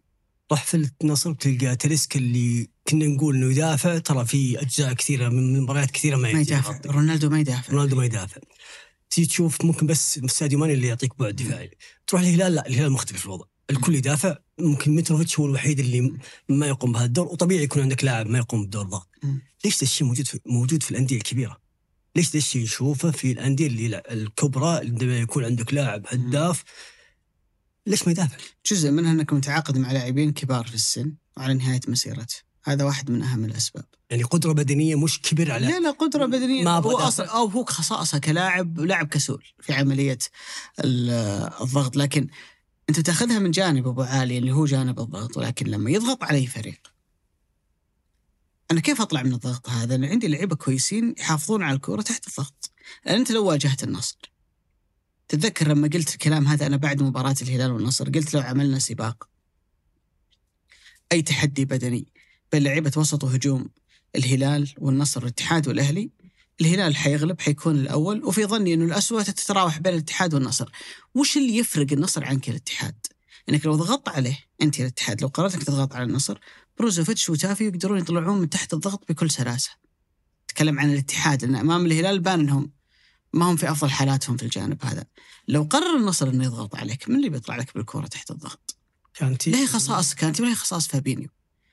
فأنت الآن تبدو أمورك تمام إنك تواجه أندية أنت قادر إنك بفارق الإمكانيات اللي عندك إنك أنت تكسبهم، لكن الجاي اللي ينتظرك في الشهر الجاي تحديدا وارد إنك تلعب ثلاث مباريات أمام الهلال في فترة زمنية وجيزة جدا. ما ودنا نستبق الأحداث بس أعتقد إنه الاتحاد على الجانب البدني حيواجه مشاكل. النقطة الثانية يعني المفروض الان الاتحاد في الفترة هذه نقول كلام كله كلام معسول وكلام إيجابي لكن نقول الكلام اللي إحنا نعتقد إنه هذا هو واقع الفريق. لا تزال عندك مشكلة إنك أنت فريق بلا أطراف. يعني واحد من الأشياء اللي بتقلل من سوءك إنك تعاقدت مع ظهير ما شاء الله تبارك الله في الجري في السبرنتات في الانطلاقات رائع جدا اللي هو فوز. آه، الصقور لكنك لا تزال ذات الفريق يمكن فكرة جاياردو اللي صارت واضحة خلال الفترة الأخيرة اللي هي مثلث وسط ثابت ما يغيره إنه يعتمد على فابينيو على يمينه كانتي وعلى يساره فيصل الغامدي قدام حمد الله ورومارينيو. إذا موجود معهم بنزيما يلعب رومارينيو تحتهم ك diamond. مربع وقدامه بنزيما وحمد الله. إذا واحد من بنزيما وحمد الله مو موجود ممكن يلعب لاعب تسعة رومارينيو طرف الطرف الثاني ممكن يلعب فيه مروان الصحفي أو جوتا لما يرجع أو أي لاعب ثاني ممكن يشغل هال هال هالمركز. بس فعليا من كل الأسماء أنت قاعد تتكلم عنها ما في لاعب طرف حقيقي. وحتى اللي يلعبون مثلا زي لما يلعب مروان أو يلعب آه، أحمد الغامدي أو كقدرات وإمكانيات في نهاية الأمر أنت تواجه أندية. يا أخوي أجنحتهم سالم وميشيل ومالكم وتاليسكا وماني ما أندية عندها أجنحة على مستوى الإمكانيات قاتلة. والخصائص. يفرق كثير عن اللي موجود عندك. فبالتالي أنت على أمل أن جوتا يرجع ويلعب ويعطيك التأثير الكبير اللي يتوازى مع قيمته. حتى لو لعب ما لم يحدث ذلك أنت عندك مشكلة واضحة إن أطرافك ما هي قادرة. أنت وصلت اليوم إلى مرحلة إن ظهيرك الأيسر هو أصلا ظهير يمين. لأن ما عندك ولا واحد مقنع على اليسار. وحتى لما الشوط الثاني أمام الرياض لما لعب حسن كادش حسن كادش كظهير أيسر ولا تقدر تحطه من ال top five على مستوى الدوري. حسن كادش اللي طلع ب 46 مليون إذا أو فوق ال 60 مليون. من التعاون والاتحاد هو لعبه كقلب دفاع. ثالث. كقلب دفاع. لا أتكلم لا لا. مع التعاون كان يلعب هو قلب دفاع أساسي الموسم الماضي على اليسار. إن اللي وصل إنه يكون بهذا السعر ويتحول حسن كادش إلى لاعب مطلوب على مستوى الأندية الكبرى هو إنه لعب في مركز قلب دفاع. لكن لو تاخذ حسن كادش نسخة الظهير الأيسر منه ترى أقل من ذلك بكثير. فبالتالي أنت لا عندك ظهير ايسر مميز في الجانب الهجومي ولا عندك أطراف هجوميين مميزين. أنا متأكد إن مشجع الاتحاد وهو يتابع المباراة. سعيد بالفوز سعيد بأن الفريق ما يستقبل أهداف سعيد جدا بانه يشوف حجازي موجود ويشوف تأثيره على الفريق لكن للجاي لا أنا أتوقع إني بجي تخوف إنه كان المأمول أكثر من كذا. وأنا بصراحة كنت أتوقع إن التعاقد مع جاياردو لأنك جاي بعد سلسله انتاج سلسله إنتاج غير جيدة لنونو سانتو فبالتالي الجمهور والمناخ العام يرحب بأي تغيير أنت بتسويه. يعني أي حاجة أنت جديدة بتغيرها بتسويها الناس تتقبلها ليش؟ لأنه الأفكار القديمة اثبتت إنها غير ناجحة.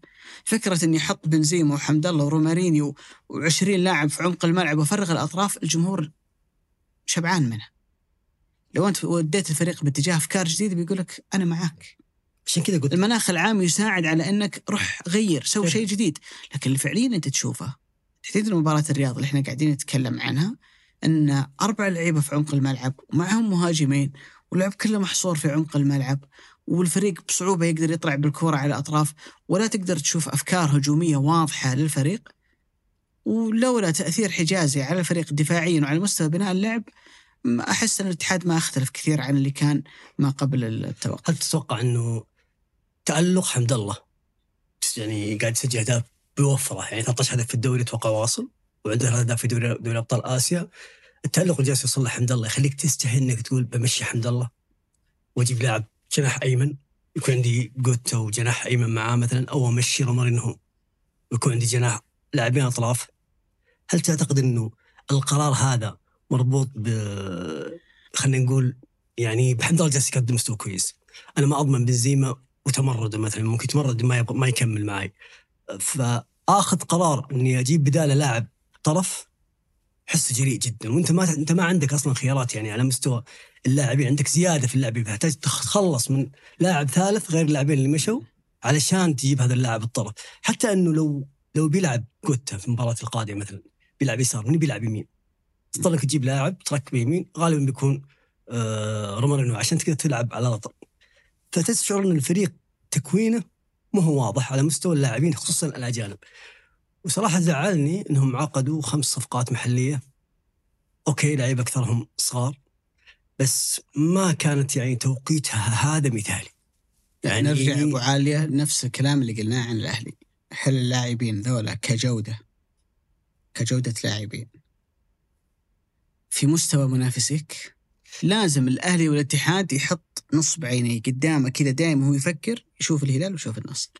وش عند الهلال وش عند النصر؟ أنا وش عندي؟ أبغى أنافسهم أتفوق عليهم لازم اللي عندي يكون زي اللي عندهم. بالضبط. هل الأسماء اللي أنت عاقدت معها تعتقد؟ أوكي بيقول لك يا أخي لاعب صغير وبوتنشيال وممكن يتطور وفي المستقبل يوصل لمستوى أبعد. ممكن. بس هل اللاعب هذا بوضعه اليوم تعتقد إنك بتقدر تنافس فيه الأندية هذه على مستوى اللعيبة المحليين مع فاق احترامي. وهو لسه لاعب شاب ولاعب صغير والمستقبل أمامه. هل سعد الموسى زي حسان تنبكتي؟ لما منافسي يروح يستثمر في حسان تنبكتي هل هذا بنفس مستواه؟ لما منافسي مثلا النصر يعني قبل فترة قبل سنة إذا ما كنت مخطئ أو أكثر لما يتعاقد مع جناح شاب زي عبد الرحمن غريب هل هو زي أحمد الغامدي؟ لما يتعاقد يشتري لاعب وسط مثلا في عمق الوسط يمكن اللاعب الوحيد اللي يستثنى من الكلام هذا من الكلام هذا هو فيصل الغامدي فيصل الغامدي هي صفقة لليوم والبكرة ولعدة سنوات قادمة. لكن بقية الاسماء اللي أنت قلت عنها ترى يرجعنا أبو عالية. لا فواز يعني يلعب أساسي وفي الشباب والبطوله كأس آسيا الأخيرة كان كان يلعب مع المنتخب. وتقدر تعتبره هو وسعود والغنام ممكن الأبرز على مستوى الظهير الأيمن. لكن الكلام يشبه إلى حد كبير اللي قلناه عن الأهلي. التعاقد لمجرد التعاقد. وش الشيء الإضافي اللي ممكن يقدمونه لك هؤلاء اللاعبين؟ مشكلة أنا أقول عندهم فرصة ويا رب وأتمنى أبو عالية إن رايي رايي هذا كله يطلع غلط وإنهم كلهم يصيرون سوبر ستار في المستقبل. لكن أنت تقسم المعطيات اللي موجودة عندك أجيب لاعب من دكة الاتفاق وأعتقد انه بيصنع لي فارق كبير في نادي زي الاتحاد. هنا تجي أنا أنا ليش زعلت على هذه الصفقات؟ لأنهم ما كان توقيتها المثالي. وواضح إن القرارات كانت سريعة متعجلة ما كانت قرارات يعني متأنية وفي نفس الوقت ثلاثة منها كانت صف عقود وواحده إعارة مع حق مع حقية شراء وواحده أو أو حقية شراء وواحده كانت إعارة بس. فأنت جايب أربع لاعبين تحديدا أو خلينا نقول خمس لاعبين ذولي. وأنت في الفترة القادمة مضطر إنك تقلل القائمة. أنت اللعيبة اللي جبتهم ذولي لعيبة شبان. أنت مو مكانك الآن مع هذا القرار اللي طلع. 25 لاعب. ترى مو مكانك إنك تاخذ لاعب شاب سعودي تطوره عندك. ابدا ما هو دورك النادي الكبير. النادي الكبير دوره إنه ياخذ لاعب جاهز يلعب أساسي ويكون دكة. لاعب مثل مصعب الجويري في الهلال المفروض إني ما أشوفه في الفترة الجاية. سواء الهلال يوديه إعارة إيه، يخليه يتطور خارج خارج الهلال يلعب أساسي مع أندية أخرى بس ما أشوفه في الهلال. نفس الكلام على أي لاعب شاب أنت تجيبه إلا إذا كان استثناء وهذه قلة في كرة القدم. فواضح إن المدير الرياضي اللي اللي جاي من من بنفيكا من بنفيكا واضح إنه بنفس concept إدارته في البرتغال. يبغى يدير نادي الاتحاد. لأنه يعتمد كثير على الصغار وعلى المواهب وعلى الجواهر جوهرة ال- جواهر البرتغال. الشبان اللي يطلعون فيبرزون عنده في بنفيكا ثم يبيعهم ثم يعظم الأرباح في النادي. ولكن الاتحاد عمره ما كان نفس سياسة بنفيكا. الاتحاد يعامل معامله نادي مثل ريال مدريد مثل آه، مانشستر يونايتد. لا النادي يشتري نجوم مو دوره إنه يطور النجوم ويوصلهم لقيمة مذهلة بعدين يبيعهم. فهذا الشكل. وانت ولاحظ أبو عالية أنت في بنفيكا وبورتو تشتغلون بنفس الطريقة صح. كلكم تجيبون لعيبة من البرازيل من أمريكا الجنوبية. تطورونهم تبيعونهم. سنة أنا أحسن منك أفوز بالدوري سنة أنت أحسن مني تفوز بالدوري.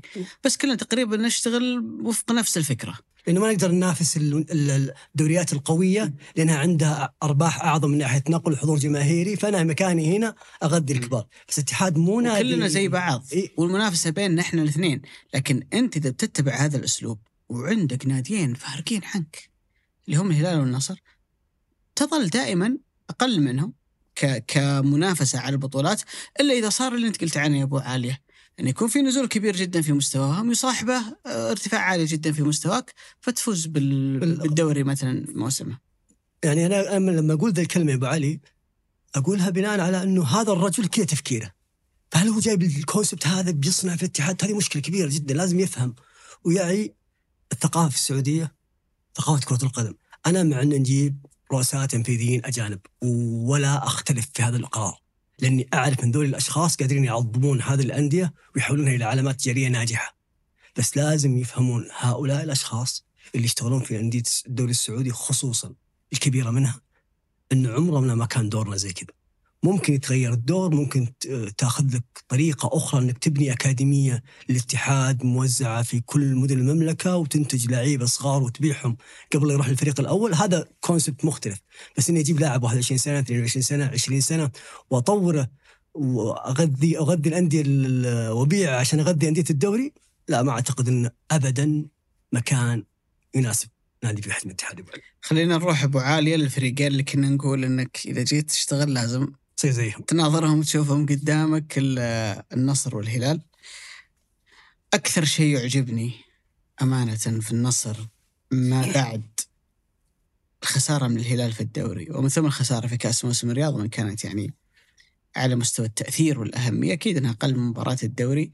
أنك ما تشعر أنها هزة أو صدمة يتلوها دروب في المستوى أو النتائج في كل مرة يقدر الفريق أنه يحفز نفسه ويظل موجود في المنافسة. تكلم ما قبل التوقف لو تسولف أنت واحد تقول الهلال فارق بسبع نقاط بهذا المستوى اللي موجود عند الهلال بيقول لك الدوري خلص. بس فعليا ما بعد نهاية سوق الانتقالات. انظر إلى حجم التأثير اللي صار قرار إيقاف نعم. نواف العقيدي اللي صار مع النصر. نواف أوقف. وسبينا أصيب. راغد النجار أصيب. فجأة لقيت نفسك مضطر إنك تعتمد على الحارس الرابع وليد عبد الله اللي بالمناسبة من نهاية موسم 21 22 يعني عندك الموسم الماضي كاملا والموسم هذا حاليا تقريبا سنة وثمانية شهور وليد عبد الله لعب فيها مباراة رسمية واحدة. ماتش بدا يا وليد. مباراة الماتش بدأ يا وليد. اللي كانت أمام التعاون في أول جولة في الدوري. ذيك المباراة الوحيدة اللي لعبها وليد في الفترة هذه.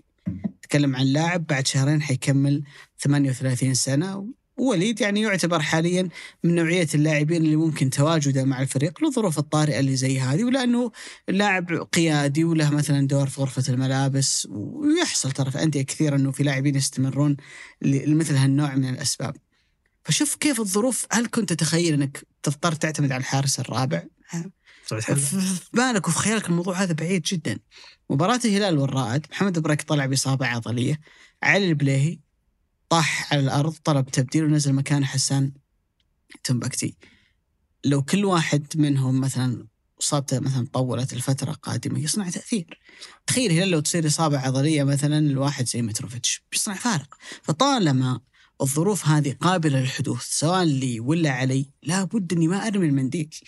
لابد أني أضغط على المنافسي واخنقه كل جوله وما أعطي الهلال اللي هو متقدم فارق سبع نقاط أي مجال أنه يبدأ يسترخي. لأني أنا لو أعطيته مجال أنه يبدأ يسترخي حيضرني في البطولات الثانية.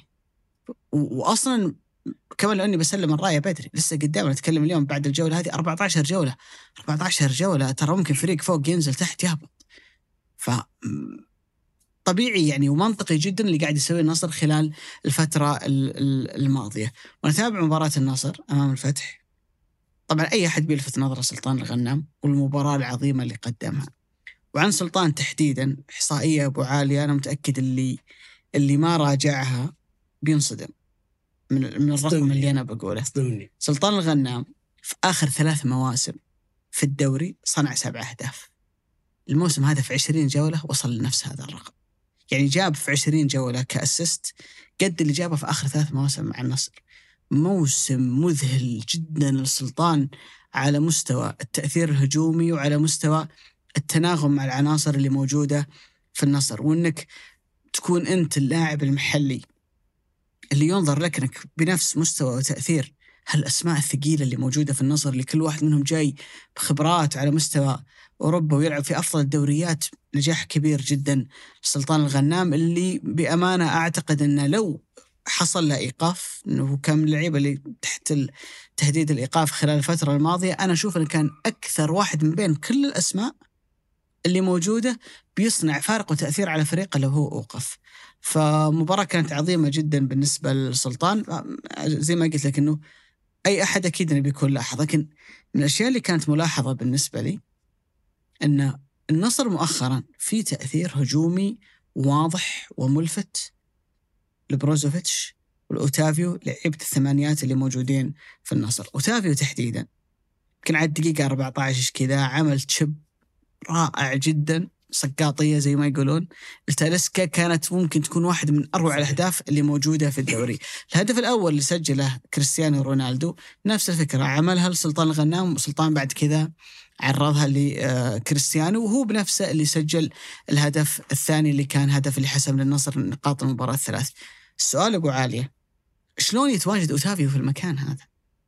وش اللي يخلي أوتافيو يوصل للمكان هذا؟ وبروزوفيتش أحيانا نشوف حتى التمريرات الأرضية القصيرة اللي مع كريستيانو ومع ماني وتاليسكا يقدر من خلالها إنه يخترق. في فكرة صراحة ملفتة قاعد يستخدمها كاسترو خلال الفترة الماضية وظهرت في مباراة الفتح بشكل كبير. أنا أبدأ الهجمة من الخلف. لما أبدأ الهجمة أحتاج إن اوتافيو وبروزوفيتش يرجعون إلى مناطق متأخرة. لأن عبد الله الخيبري ممكن تتكلم إنه كويس في قطع الكرات كويس في الرقابة يغطي منطقة القوس اللي موجودة أمام المدافعين. بس عبد الله في نهاية الأمر ليس روبن نيفيز وليس من نوعية لعيبة الستة اللي تمريراته القطرية ممتازة اللي يعمل لك تمريرات بين الخطوط وممكن تكسرك تنظيم الفريق الدفاعي. هو مميز في أشياء ممكن الجانب هذا ما يكون عبد الله الخيبري هو أميز لاعب فيه. فبالتالي اللاعب اللي يحتاج أن يطلع لي الكورة أحيانا يرجع حتى إلى الثلث الدفاعي بروزوفيتش وأوتافيو. طب كيف ألاقيهم الاثنين ذولا في الحالة الهجومية؟ ألاقيهم قدام على حافة منطقة الجزاء ويعمل لي تأثير هجومي. الحل إن النصر بدل ما يتدرج بالصعود بالكرة نفترض أن الكرة طالعة من علي إلى جامي راحت لأوتافيو. ما يروح يباصيها لسلطان وينزل تاليسكا ويعملون مثلث وبعدين يطلع واحد ثاني ويتدرجوا بعدد كبير جدا من التمريرات. الغالب إن النصر يلعبها طويلة أرضية تجاه كريستيانو كريستيانو ممتاز جدا في إنه يلعب ظهره للمرمى أو يلعبها على الطرف الأيمن تلسكا أو ماني. وغالبا إذا لعبها تلسكا أو ماني يفرق معاهم الاثنين مسألة اللمسة الأولى. مثلا تلعبها الماني لمسة ماني الأولى دائما ياخذ الكرة على جوا فبالتالي لما يدخل على جوا ويمرر كرة رونالدو أو يلعبها على البعيد التلسكا الفترة ذي الوقت هذا يطلع فيه لو أنت تركز على كل هجمة للنصر يطلع فيه أوتافيو وبروزوفيتش ويصيرون خمسة ذولا موجودين في الحالة الهجومية. أحيانا النصر لا يستخدم أسلوب ثاني. يعني أنا ألعب التمريرة الأرضية هذه الواحد من الثلاثة اللي موجودين قدام فلما أمر التمريرة هذه أنا أجبر المنافس على أنه يضم للعمق. لأن رباعي الدفاع مثلا ظهير بيوقف مع تاليسكا واحد مع ماني والسنترين بيكونون مثلا قريبين من كريستيانو رونالدو. فأنا بجبر الفريق إنه يضم للعمق. لما يضم للعمق أنا بفتح فراغ على الأطراف اللي تكلم عن تيلس وعن سلطان الغنام. واللي قدر من خلالها سلطان يلاقي أكثر من موقف إنه بعد ذلك موقف عرضي. مريح إنه يلعب كرة عرضية. بأمانة لما تأخذ الموسم من أوله الين اليوم من أغسطس إلى اليوم إحنا نتكلم في فبراير كمية التغييرات التكتيكية اللي سواها كاسترو في النصر أنا بالنسبة لي مذهلة. كاسترو خذ موسمه وشل منه. المباراتين اللي لعبها ضد الهلال واحدة في الدوري واحدة في كأس موسم الرياض. لأنه يظل دائما اللعب ضد الهلال على الجانب المعنوي يأثر على حكم الجمهور أو حكم الناس على كاسترو. لكن شل ذي المباراتين؟ كاسترو ياخذ عشرة من عشرة أو تسعة من عشرة. قدرته على أنه يسيطر على فريق في هذا الكم من النجوم. أن ما يشعرك أن النصر لا يوجد لديه لاعب تسعة. ترى كريستيانو مش لاعب تسعة تقليدي. صحيح. ما يحب كثير إنه يلعب ظهره للمرمى. ان عنده لاعب زي تلسكا ما يدافع. لو كذا تفكك النصر تنظر إلى العيوب النصر فيه عيوب. لكن العيوب ذي ما تظهر بوجهها القبيح إلا لما يلعب ضد الهلال. لكن في بقية المباريات تشعر إن الفريق ما عنده مشاكل كبيرة. كل فريق في العالم عنده مشاكل عنده عيوب لكن ما تظهر بشكل واضح وجلي. بداية الموسم كنا نتكلم أبو عاليه عن فكرة إن الكس تيلس يتحول إلى قلب دفاع ثالث. وسلطان ياخذ راحته في الزيادة على اليمين وماني يفتح الملعب على أقصى اليسار عشان تاليسكا يدخل العمق. الفكرة هذه ما ما عاد نشوفها. الآن قدم لك فكرة جديدة. بداية الموسم كان يعتمد على عبد الله الخيبري بعدين جت فترة لعبه ظهير يمين وفترة دخل فوفانا مع المجموعة. كل فترة يغير في الأفكار يغير في. في التفاصيل الدقيقة لكن الهيكل العام للفريق هو نفسه.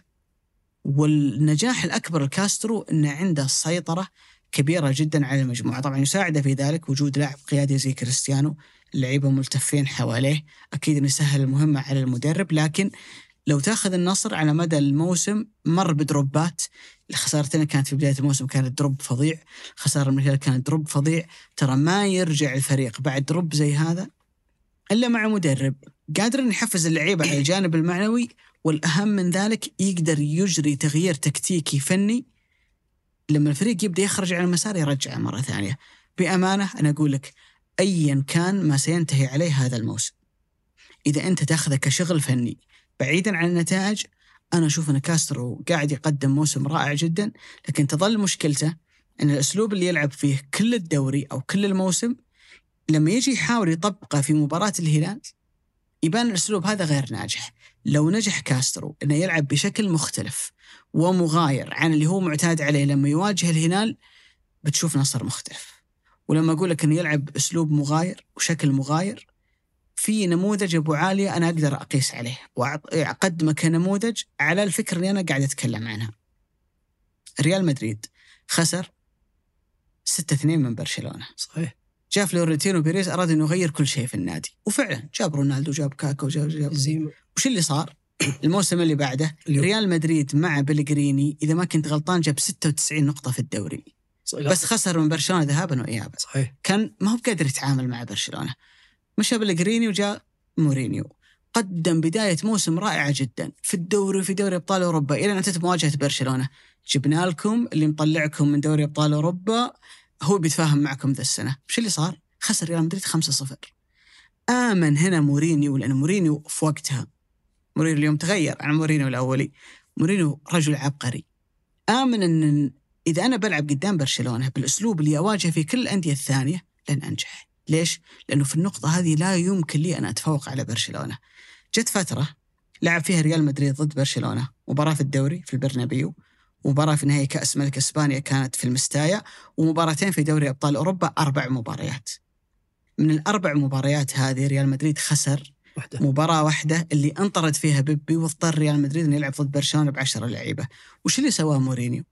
شال المهاجم وحط. كريستيانو تسعة ودخل بيبي بيبي. كلاعب وسط ثالث ولعب بأسلوب وطريقة لا تشبه اللي يلعب فيه طوال السنة. قال لك اللي يلعب فيه طوال السنة هذا شيء ولما واجه برشلونة مضطر ألعب بأسلوب ثاني. لو نجح كاسترو إنه يوجد طريقة يتعامل بها مع الهلال لأنه مرجح إنك تلعب معه في نصف نهائي كأس في دوري أبطال آسيا. وممكن تصطدم به في السوبر. هذا أكيد السوبر تلعب معه وممكن تلعب معه في كأس كأس الملك خلال الفترة القادمة. والدوري. إذا ظليت تلعب بنفس الشكل اللي أنت ممكن تنجح وممكن لا. إذا قدرت توجد أسلوب تتعامل فيه مع الهلال وتكمل على نتائجك ومستوياتك الرائعة اللي أنت قاعد تقدمها في الدوري ودوري أبطال آسيا أنا أقول ممكن النصف الثاني من موسم النصر يكون مختلف ومغاير تماما. ولو ما حصل ولو ظلت مواجهاتك أمام الهلال ما هي معاناة بالنسبة لك في بقية الموسم اللي هو يمثل 80 90% من الموسم أنا أعتقد أن كاسترو بأمانة قدم موسم يستحق أن ترفع له القبعة عليه. قدم موسم عظيم وأنت قلت أبو علي حتى على مستوى الأفكار الفنية، الأفكار الكثيرة اللي قدمها هذا الموسم حتى في مسألة آه، خلينا نقول تمركز اللاعبين خط الوسط في الفريق، يعني استخدم كثير الخيبري، استخدم فوفانا مركز ستة، استخدم بروزوفيتش مركز ستة. أنا ممكن ابو علي وحتى في طريقة البناء. آه، بداية الموسم كان اللاعب الستة لما ياخذ الكورة تلقى قدامه بروزوفيتش وقدامه أوتافيو والظهير الأيمن الغنام. فعنده ثلاث مرات تمرير يقدر يمررها لأي واحد فيهم ويصنع مثلث. لما تروح للطرف الثاني نفس الكلام ينزل معاه لاعب الظهير تلس. فهذه الفكرة ودائما الفكرة الثانية اللي هي الكره الطولية تروح لتلسكا أو تروح ألماني برضو هي كانت جزء من الأفكار. بس تيجي على الصعيد الخاص فيني في مسألة منافسة الهلال أنا أتوقع إنه أكبر مشكلة في النصر هي ليست تقليل في عبد الله خيبري، عبد الله خيبري واحد من أفضل اللاعبين. ولكن في مركز ستة أنت تحتاج لاعب أجنبي. لاعب أجنبي قادر يبطي لك رتم المباراة، يسرع لك رتم المباراة، يلعب تحت الضغط ممتاز، يفك الفريق من الضغط، باصاته الطوليه ممتازة، باصاته الأرضية ممتازة، عملية ضغطة جدا ممتازة، يغطي المساحات الكبيرة اللي يتركها لاعبين النصر لما يهاجمون بشكل مميز. تكلمنا يا أبو علي إحنا عن عن ليش لعيبة الوسط اللي بدني ولا فنان؟ اثنين. تعرف رودي؟ رودري. مم. تعرف كايسيديو؟ تعرف مين بعد كم سعرهم ذولي؟ آه غاليين. كلهم غاليين. قال واحد فيهم 70 مليون يورو. لأنه اللاعب هذا نادر. وبما أن هذا اللاعب نادر هو اللاعب الأنسب لهذا المكان. الآن كرة القدم تغيرت عن السابق. عملية الضغط أول كان الفريق الأقل يدافع ولا يضغط نص- نص ملعب ولا شيء ولا يهمه يضغط. ينتظر في يركن باص ورا وبدأ يلعب الارتداد عليك. الآن لا. الآن الأندية الصغيرة في كل الدوريات تضغطك في نص ملعبك وتمارس عليك ضغط. تحاول تهددك أمس الفتح حرفيا حاول يشكل خطر على على النصر في كل لحظات المباراة. وكان قريب إنه يتقدم 2-1 بعد ما كانت تجي 1-1 وكان ممكن يدخل النصر في دوامة إنه إنه يبعد نهائيا عن المنافسة ويوسع فارق المنافسة عن الهلال إلى 10 نقاط. وكان ممكن يسبب هذا الشيء. على الصعيد الشخصي اللاعب هذا المفروض يكون بروزوفيتش بس النصر لما حاول يدخل فوفانا على المنظومة في خط الوسط ما أعطاه ذاك البعد الفني اللي يبغاه كاسترو. لأن كاسترو يبغى اللاعب الوسط هو لاعب يشبه أوتافيو. هو لاعب يشبه حتى سافيتش في الهلال. لاعب يشبه مالكوم لما ينزل يصير لاعب وسط. فهذا النوع من اللاعبين ما هو موجود في في فوفانا. فلما أعتمد على خيبري الخيبري okay أعطاني بعد جيد في مسألة البناء. لاعب يعرف يضغط لاعب عنده لياقة بدنية هائلة لاعب رائع ولكن مو اللاعب السوبر ستار. إضافة إلى هذه المشكلة هي مشكلة تليسكا ورونالدو أنت محتاج إلى واحد منهم مش الاثنين. الاثنين كلهم ما شاء الله تبارك الله على مستوى التهديف. ولكن في غالب الظن وأنت قلتها جزئية مهمة لاعب المهاجم لما ما يكون مهاجم مركزه بالأساس فأنت تحطه تحت عبء لما يكون هو المهاجم الوحيد. يعني رونالدو الآن لو كان يلعب على طرف الملعب أو يكون مكان تلس آه، تلسكا أو حتى يكون على اليسار وينزل نفس مكان مع ريال مدريد كمهاجم ثاني وعندك لاعب راس حربة تقليدي هنا بيكون حرفيا رونالدو مرتاح في مسألة إنه يلقى لاعب يحضر له ويلقى لاعب يفتح له مساحات ويلقى لاعب يساعده في هذه المسألة. لذلك أعتقد إنه العناصر الموجودة في الاتحاد من ناحية لاعبين عفوا في النصر من ناحية لاعبين هي اللي ما خلت كاسترو يتفوق أو إنه ينافس الهلال. هو ما يحتاج يغير طريقة لعبه ولا يحتاج في ظني ولا يحتاج إنه يخترع شيء جديد. النصر جالس يؤدي طريقة لعب واحدة من أجمل الكور اللي ممكن تشوفها في الدوري السعودي واحدة من أنجح الكور اللي ممكن تشوفها في الدوري السعودي. ولكن هي مسألة أو خلينا نقول ال quality لاعبين. إضافة اللاعب الأسترالي عزيز في الظهير الأيسر بهدف انه يشارك في دوري أبطال آسيا. مم. عبقرية جدا يعني okay بياخذ معي أربع شهور ولكن بيشارك معي إن كملنا للنهايه ترى بيلعب تقريبا سبع مباريات. فإضافة حلوة أنا إذا ما فزت ما ما اعط اصابع الندم إني ما جبت ظهير لأن ما عندي ظهير كويس أيسر. فأجيب واحد يقطع أو يخلص معي نص الموسم ممكن يكون بعد مستقبلا هو اللاعب اللي بديل تلس في في هذا المركز. نفس الكلام على اوسبينا اوسبينا واحد من من العناصر المؤثرة في موسم جارسيا الأول وكان خلينا نقول له دور كبير في كثير من المباريات. فتواجده مهم ولكن الآن تحتاج تختار أنا أحتاج ظهير ولا أحتاج محور ستة؟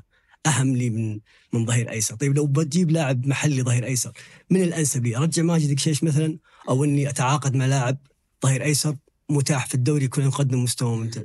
فأعتقد إنه هي هنا في وسط الملعب وتحديدا بروزوفيتش. بروزوفيتش مو قادر يعطيك بعد كلاعب ثمانية مثل أوتافيو. okay اللاعب يعطيك pass ات حلوة اللاعب يزيد كويس آه، يسجل أهداف يعطيك حل من ناحية العرضيات القطري لاعب رائع ولكن تراك ما انت ما انت جالس تاخذه 100% انت في مركز الستة بتاخذه تحت الضبط وبتاخذه وال- والمساحات اللي ورا الواسع يغطيها لك. بتاخذه في الكرة الطولية اللي تروح لتاليسكا أو تروح لماني القطرية. بتاخذه full option ويكون عندك لاعب ثاني مثل أوتافيو يعطيك برضه في هذا المركز ال high level حق لا أنت مقترحك إن يتعاقدون مع ستة ولا لا، لا، يتعاقدون مع ثمانية وبروزوفيتش ستة. ستة. نفس المركز اللي كان فيه في, في الإنتر. كان شيء يعني كان من أفضل ثلاث ثلاث لعيبة وسط في العالم في هذا المركز. أصلا مع الإنتر فشل في مركز الثمانية. ما نجح. ولما سحبه حتى إنه راح كان المطار على اشبيليا ماشي. لما طيب مانشيني راح طيب وغير. لو لعب كلاعب ستة تتصور إنه عدد تمريراته للامام بيكون كثير؟ يعني لأنه يلعب في منطقة متأخرة فيلعب للأمام كثير؟ حيعطيك حلين. الحل الأول إنه باصاته في, عمق الملعب تحت الضغط جدا رائع. يفك الفريق من الضغط سواء في الكرة الطولية أو الباص القصير الشيء الثاني إنه في الحالة الدفاعية قادر يغطيك المساحه الطويله هذه هو من أقوى اللاعبين إنه يغطي المساحة الواسعة لأنه ذكي. واللياقه البدنيه هائل مع إنه مدخن تدري ليش سألتك أبو علي عن مسألة إنه التمرير الأمام؟ لأن الإحصائية في الدوري خلال الجولات الماضية بروزوفيتش هو أكثر لاعب في الدوري يمرر تمريرات للخلف. هذا يوضح لك إنه رجل يلعب في مركز ويستلم الكورة لأنه يستلم الكوره في مناطق متقدمة فبالتالي ما يحب كثير إنه يلعبها للأمام فيجد راحة أكثر في ان يرجعها الخلف لاعب ثاني موجود في الخلف. لكن على السيرة يا أبو علي بما تكلمنا عن لاعب الستة واللاعب الستة المتكامل أكيد أنه ما في ستة متكامل اليوم في الدوري كله. زي نفس روبن نيفيز جوهرة الهلال اللي أعتقد أنه تحس يا أخي نجوم الهلال كل فترة في واحد كذا يطغى. يعني فترة سافيتش فترة تكلم آه، متروفيتش الحديث والكلام عنهم وكلهم يعني للأمانة هذا الموسم مبهرين لكن جمهور الهلال اللي خرج من كينجدوم أرينا في مباراة الهلال والرائد أنا أتوقع أنه طالع وهو شبعان فن وكورة من كثر ما استمتع بروبن نيفيز في المباراة وأساس الأداء الرائع جدا اللي قاعد يقدمه خلال الفترة الماضية. هذا أبو علي خليني أسأل نفسي سؤال. لماذا المشجع يحب لاعب الوسط اللي من نوعية روبن نيفيز أنا في ظني الجواب أنه قليل جدا جدا من لاعبي الوسط اللي تجتمع فيه أن لاعب ستة دفاعي ولاعب ستة فنان. هذا هو. تحس إنك دائما عليك إنك تختار. أنت أمام مفترق طرق. يا تختار فريق يقف كذا يعني كنموذج كويار. يجري يفك كورة يزلق يتطاق مع المنافسين يحتج على الحكام يسوي كاسيميرو ال style ذا. يا تروح باتجاه ال style الثاني اللي هو لاعب الستة شافي. بيرلو. لا أتكلم الستة اللي هو آخر لاعب يلعب يمكن ها كان حاليا. في الإنتر. في الإنتر اللي هو فنان يقط لك تمريرات حلوة جميلة باصات بين الخطوط يلعب لك القطرية اللي تنزل بالملي على رجل اللاعب. تبي تجمعهم الاثنين في لاعب واحد يكاد يكون من المستحيل. لكن ذاكرة الهلاليين تحتفظ بلاعب من هالنوع. رادوي. اللي هو رادوي. اللي ليش جمهور الهلال إلى اليوم مغرم في رادوي؟ لأنه كان يمثل النموذجين موجودين في بعض. يعني وقتها خالد عزيز كان يلعب في الهلال كان فكاك كور من الطراز الرفيع. جاك واحد يفك كور وفنان والكورة معاه. أنا ما أقول إنه بيصير كاسيميرو وبيرلو في لاعب واحد تدمجهم. لكن إذا كاسيميرو في الجانب الدفاعي عشرة من عشرة اللاعب اللي نتكلم عنه ثمانية تسعة من عشرة. وفي الجانب الثاني ثمانية تسعة من عشرة لأنه كاسيميرو إذا هو عشرة من عشرة في الجانب الدفاعي في الجانب الثاني ترى يمكن minus يعني. جانب أنه هو لاعب فنان والكورة معه. اللي أتذكر من اللاعبين اللي فعلا ينطبق عليه هذا الوصف. تشابي ألونسو لما كان يلعب في ريال مدريد. يعني كان قاطع كرات رائع جدا. يزلق على الأرض يعافر على الكورة وفي نفس الوقت فنان جدا. تحاول تشوف إحصائيات روبن نيفيز هذا الموسم كلها تصب بأبو علي في هذا السياق. يعني لأنها كثيرة أنا تراني مسجلها. في الهلال أعلى لاعبين تمريرا في الكورة مؤخرا صار أعلى لاعبين تمريرا المحاور وقلوب الدفاع. وفي كثير أندية بتلاقي أن أكثر اللاعبين تمريرا هم قلوب الدفاع. روبن نيفيز في الهلال هو الأكثر تمريرا. بينه وبين اللي وراه حوالي 450 تمريرة. يعني اللاعب اللي وراه يحتاج أن روبن نيفيز يتوقف على الأقل أربع أو خمس مباريات عشان يلحق رقم عدد تمريراته. في الهلال هو أكثر لاعب يعمل تمريرات للأمام. في الدوري كله روبن نيفيز. تو نقول عن بروزوفيتش أنه أكثر لاعب يعمل تمريرات للخلف. يعني مو في مركزه. أكثر ثلاثة لعيبة يعملون تمريرات للأمام. الأول إيبانيز والثاني جاك هنري كلهم سناتر فهو في نقطة متأخرة جدا من الملعب فطبيعي أنه يباصي للأمام. صحيح. روبن نيفيز هو الثالث بعدهم والأول في الهلال. ما يخدم يا ابو علي إنه ينزل هو كلاعب يفتح مع الله عليك أبو علي. جيتني في النقطة اللي بعدها. روبن نيفيز هو أكثر لاعب في الدوري كله يوصل كرة للثلث الهجومي. يعني ما يباصيها الواحد قريب. يعني ما يباصيها الواحد في الدائرة ولا في الوسط. هو أكثر لاعب يوصل كور للثلث الهجومي وتتكلم عن اللاعبين اللي وصل الكرة لداخل منطقة الجزاء تحديدا هو الرابع في الدوري وأول لاعب هلالي. يعني هذا الآن تتكلم في جانب التمرير هو أكثر واحد يمرر وأكثر واحد يمرر للأمام وأكثر واحد يوصل لك كرة للثلث الهجومي وأكثر واحد يوصل لك كرة داخل منطقة الجزاء ترى ما نتكلم عن سافيتش ولا عن سالم ولا عن مالكم اللعيبة اللي يلعبون قريبين من الثلث الهجومي. تجي في الجانب الدفاعي. هذا المهم. هو أكثر واحد يفك كور في الهلال. ك tackle اللي هو قاطع كرات هو الأول في الهلال. وفي استرجاع الكرات اللي هي ال recovery balls اللي عادة ترى مو بشرط ال- الكرة المسترجعة ترى ممكن control سيء من المنافس فالكرة تجيك. فعادة مين اللي يلمون كور من هالنوع؟ غالبا الأول يكونون المدافعين لأنه يكونون إيه. مثلا اثنين على مهاجم واحد. تخيل أنه هو الثاني في الهلال في استرجاع الكرات وبينه وبين كوليبالي كورتين بس. يا رجل كل مواصفات لاعب الستة اللي انت تبغاها موجودة فيه. يوم جاء ما حد يبغاه والجميل فيه أبو علي أنك تشوف كذا style حتى يعني قبل يوم كان بالبكلة يعني. تحسه cute بس تشوفه داخل الملعب. شرس. يعافر على كل كورة كورة عالية في الهواء يجيبها كورة تحتاج إنه يزلق على الأرض يجيبها. ولا تحس إنه مؤذي ولا تحس إنه خشن. يعني أنا متذكر كاسيميرو كاسيميرو كان يرتكب مجازر لما كان يلعب مع ريال مدريد. فهو يعني أنا أقول انه كلاعب ستة لم يلعب في الدوري السعودي لاعب أكثر تكاملا. منه وكان يعني حتى نتكلم كالرادوي كان الأقرب بس ك quality أوكي كخصائص ممكن متقاربين لكن ك quality وجودة وأقربهم هم الاثنين تقول مين أقرب للمستوى العالمي لل class A على مستوى العالم في هذا المركز؟ لا روبن نيفيز أعتقد إنه تحس انه أحيانا في بعض اللاعبين لما تيجي تتعاقد معه تقول يا أخي ادفع 45 مليون ولا كثيرة. 50 مليون في لاعب ستة بس لما تشوف تأثيره على الفريق في كل ال- الأدوار والخصائص تقول لا أزيدكم 50 مليون على اللي أنا يعني. دفعتها يعني هو المنفذ الأول للضربات الركنية المنفذ الأول الفاولات الجانبية اللي سجل منها كوليبالي ترى كل الجمال اللي قاعد نتكلم عنه عن روبن نيفيز وأنت في خاصتين عنده خاصيتين عنده لسه ما جربتها ما يسدد من بعيد كثير مع الهلال هذا الموسم. صحيح. ولا نفذ كثير من الفاولات اللي هو أصلا كان بارع فيها لما كان موجود مع ولفرهامبتون الرجل تتفرج على الهلال داخل الملعب في مواقف هجومية كثيرة. الهلال يطلع بمتروفيتش ميلينكوفيتش سافيتش اللي كثير ما يدخل داخل المنطقة وسبب منها ركلة جزاء ميشيل على اليمين سالم على اليسار. فعليا في الجانب الدفاعي الاربعه واقفين. وروبن نيفيز هو اللي مطلوب منه إنه يغطي المسافة هذه كلها. ان لما لاعب يطلع هجمة مرتدة أنا أول واحد بروح أواجهه. لما الكرة تطلع ورا لاعب الطرف سواء سالم ولا ميشيل أنا أول واحد بروح أغطي الفراغ اللي موجود معاه. ينحط في مهام أقرب للمستحيل. كيف إن لاعب واحد يقدر يغطيها ويقدر يغطيها وما تشعر ان عنده أي مشاكل. يعني إنك تتكلم بهذا القدر وهذا القدر من الكلام ال- الأقرب للغزل؟ عن لاعب ستة في فريق في سافيتش ومالكم ومتروفيتش وكل هالأسماء الهجومية اللي في الثلث الهجومي لها اسمها وتأثيرها أن لاعب ستة يأخذ النجومية يدلك أنه هو ما هو لاعب ستة عادي تدري وش اللي وش اللي يخليك تسأل نفسك سؤال هل اللاعب اللي تتعاقد معاه اسمه أهم ولا قيمته الفنية؟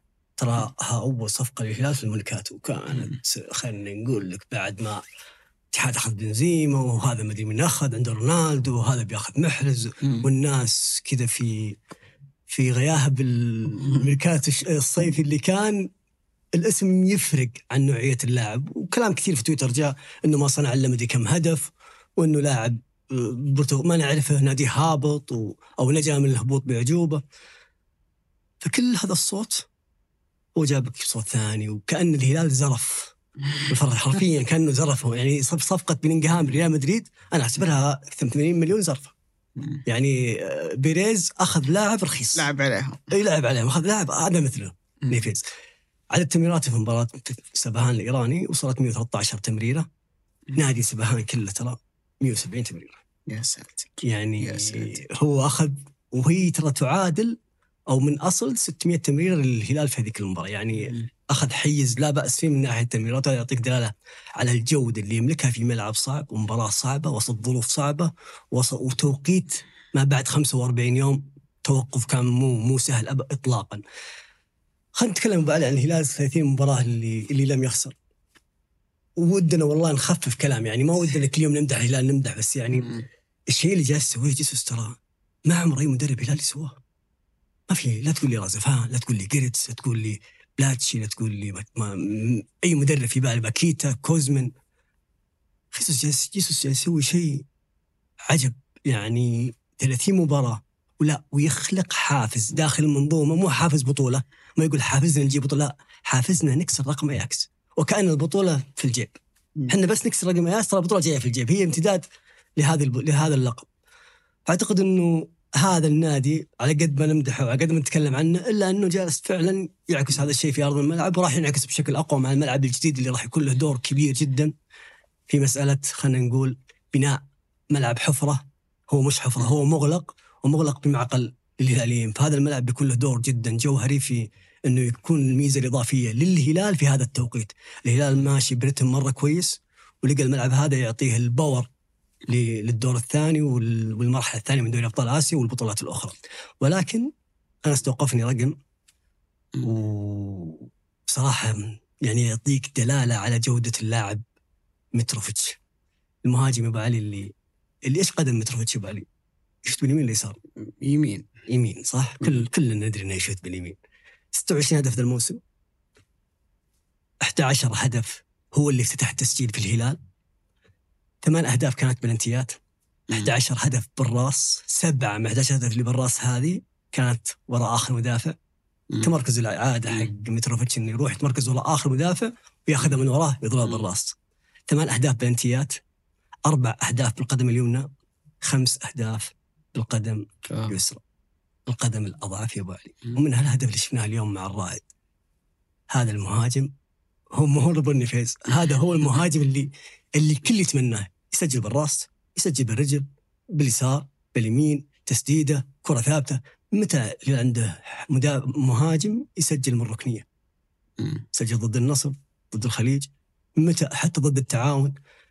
ودائما أهدافه تكون في أوقات مهمة للهلال يعني هدفه مع الفريق الإيراني سبهان كان في توقيت مرة مهم وحساس. هدفه مع التعاون الكرة الثابتة اللي الارضيه كان مهم وحساس هاتريك في الاتحاد في جدة كانت كلها مهمة وفي في توقيت صعب صعبة صحيح. بالضبط. وأنت تحتاج هذا النوع من اللاعبين اللي يظهر وقت ما أكون أنا في أزمة.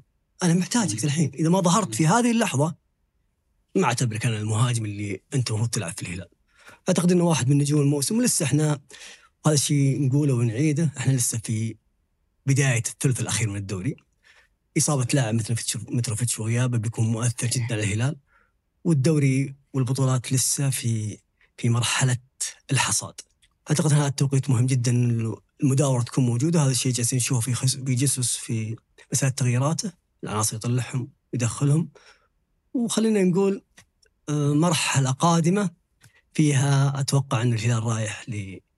لإنجاز ممكن ما يتكرر في تاريخ الدوري.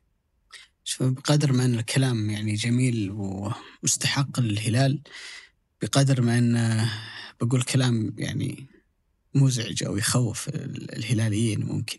اللي تابع المباراة تعليق الرائع جدا فارس عوض أشار إلى أنه الهلال آه، عادل أو اقترب آه، من الرقم اللي كان عند ريال مدريد 22 انتصار متتالي موسم 14 15 مع كارلو أنشيلوتي.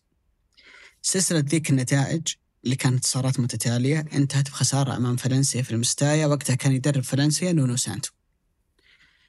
وش اللي صار بعد ذيك المباراة؟ مم. أن ريال مدريد اللي كان ذاهب للفوز بكل شيء خسر الدوري لمصلحة برشلونة وطلع من كأس الملك وخسر في دوري أبطال أوروبا نصف النهائي أمام يوفنتوس وأنهى الموسم بدون ولا بطولة من البطولات الثلاث الكبرى اللي هو كان ينافس عليها في ذاك الموسم من فريق كان ينظر له على أنه مرعب ولا يمكن إيقافه إلى الفريق اللي آل به المآل إلى اللي صار في ذاك الموسم.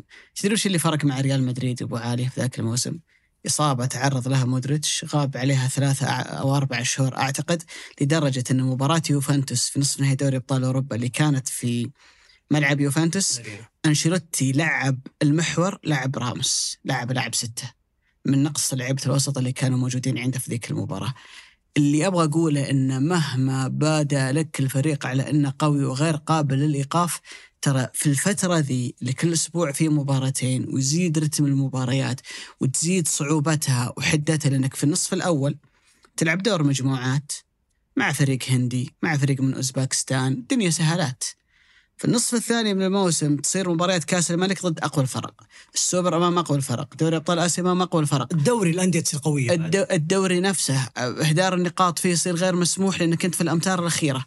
هذا الضغط مع عدم وجود دكة غنية موجودة عندك ترى ممكن في ثانية موسمك ينقلب. فمهما بدا لك الفريق على أنه قوي إلا أن كل شيء ممكن يتغير. النقطة الثانية لما تكون أنت عندك رقم قياسي زي اللي صار مع ريال مدريد. تبني توصل. إذا وصلت إلى أني أنا حطمت رقم الفريق الويلزي اللي هو أكثر فريق سلسلة انتصارات متتالية. كيف بحفز اللعيبة المباراة اللي بعدها؟ ولو خسرت زي اللي صار مع ريال مدريد كيف أدخل اللعيبة في جو إن هذه خسارة وهذه سلسلة وانتهت يلا من بكرة نبدأ سلسلة جديدة أو سعي لأهداف جديدة. أحيانا ترى الفوز لما تكون في سلسلة انتصارات كل فوز يجيب اللي بعده. صحيح. لكن وش بتسوي لما يجي ال drop؟ وش بتسوي لما تحدث الأزمة؟ إحنا كلنا اختبرنا جيسوس في فترة إن الحياة جميلة والفريق قاعد يفوز بانتصارات متتالية وهو يستحق الفضل على ذلك إن الفريق قاعد يفوز بأفكاره وإدارته للمجموعة، يعني ما ينفي ذلك جانب التميز عنه لكن في جانب ثاني أنا لسه ما اختبرتك فيه وش بتسوي لما تصير الأزمة؟ بيقول لك واحد جيسوس عبر بالفريق بالأزمة اللي كانت موجودة في بداية الموسم. لكن الأزمة اللي كانت موجودة في بداية الموسم كم يحتاج الهلال من وقت عشان يتجاوزها. ماذا لو كان بعد مباراة ضمك اللي تعثر فيها الهلال ما كانت مباراة سهلة أمام الجبلين؟ ماذا لو كانت المب... يعني بيجيك فترة جاية المباراة الصعبة بعدها مباراة صعبة ثانية. خسارة خسارتين ثلاث ورا بعض ترى ممكن موسمك يتغير. والكلام هذا ينطبق على الهلال ينطبق على النصر ينطبق على الاتحاد وينطبق على الجميع. مهما بدت لك الأمور أنها محسومة ترى كل شيء ممكن يتغير خلال الفترة القادمة. ولذلك ال- المدرب البارع هو اللي يقدر إنه بعد كل أزمة يرجع فريقه مرة ثانية للمنافسة. عشان كذا قلنا أن هذه نقطة جدا تحسب لكاسترو أنه في كل مرة تحدث هزة أو أزمة الملاحظ أنه قاعد يرجع الفريق مرة ثانية. أتمنى أنه يعني ما بقي من هذا الموسم يكون ذكرتني بنفيكا لما لما خسر كل الألقاب في أسبوع واحد. لا دو الدوري كانت مع جيسوس أعتقد كانت مع جيسوس في اخر هي طيحته الشهيرة ذيك. النهائي اللي كان ضد تشيلسي. أعتقد إنه كان. ضد تشيلسي في الدوري الأوروبي وطيحته الشهيرة لما طاح على ركبة. هذيك اللقطة ممكن الله لا يجيبها. لأنه أتوقع إن الشايب ممكن تجلط والله أنا أتذكر إن وقتها يعني بورتو أمريكا ما عندي ما عندي أي ميول تجاه أحد بس كان منظر مؤلم يعني. يعني إنك أنت من بداية الدوري متصدر والى آخر دقيقة والدوري في يدك تسديده من برا ال 18 خلاص. لا وقبلها خاسر مع تشيلسي من الركنيه في اخر دقيقة. كلها كانت ترى. خسائر ذيك في آخر دقيقة. ف آه، خلينا نقول جزئية مهمة تكلمت عنها يا أبو علي. انه فعلا حسم الدوري لسه باقي. و... وعامل واحد ممكن يأثر أو إصابة واحدة أو غياب لاعب أو خسارة واحدة ممكن تدخل الفريق في دوري أو حتى مشكلة. المتغيرات في كرة القدم ترى كثيرة. مشكلة واحدة في غرفه الملابس. آه، مشكلة واحدة مع بين لاعب والاداره آه، خلينا نقول آه، مشكلة بين مدرب ولاعب نجم الفريق فالمتغيرات كثير في الكورة. فمتغير واحد ممكن يقلب موسمكم موسم سعيد. صحيح. أو. العكس. يعطيك العافية أبو الله يعافيك. ما أدري كم كم لنا إحنا نسجل. طولنا ترى. أتوقع طولنا. بس جميلة والله. ساعتين. شكرا لكم. شكرا لمحمد الفوزان في إعداد وإنتاج هذه الحلقة. عبد الرحمن العطاس في التصوير. وفي نسخ المواد عبد الرحمن الصوفي. ويوسف إبراهيم في التسجيل والهندسة الصوتية. وفي التحرير مرام الضبيبان وفي التلوين أحمد سالم. وفي إدارة الإنتاج عبد المجيد عمر. وفي إدارة محتوى التواصل الاجتماعي أحمد غالب. هذا بودكاست مرتدة أحد منتجات شركة ثمانية للنشر والتوزيع. إلى أن نلقاكم في أمان الله.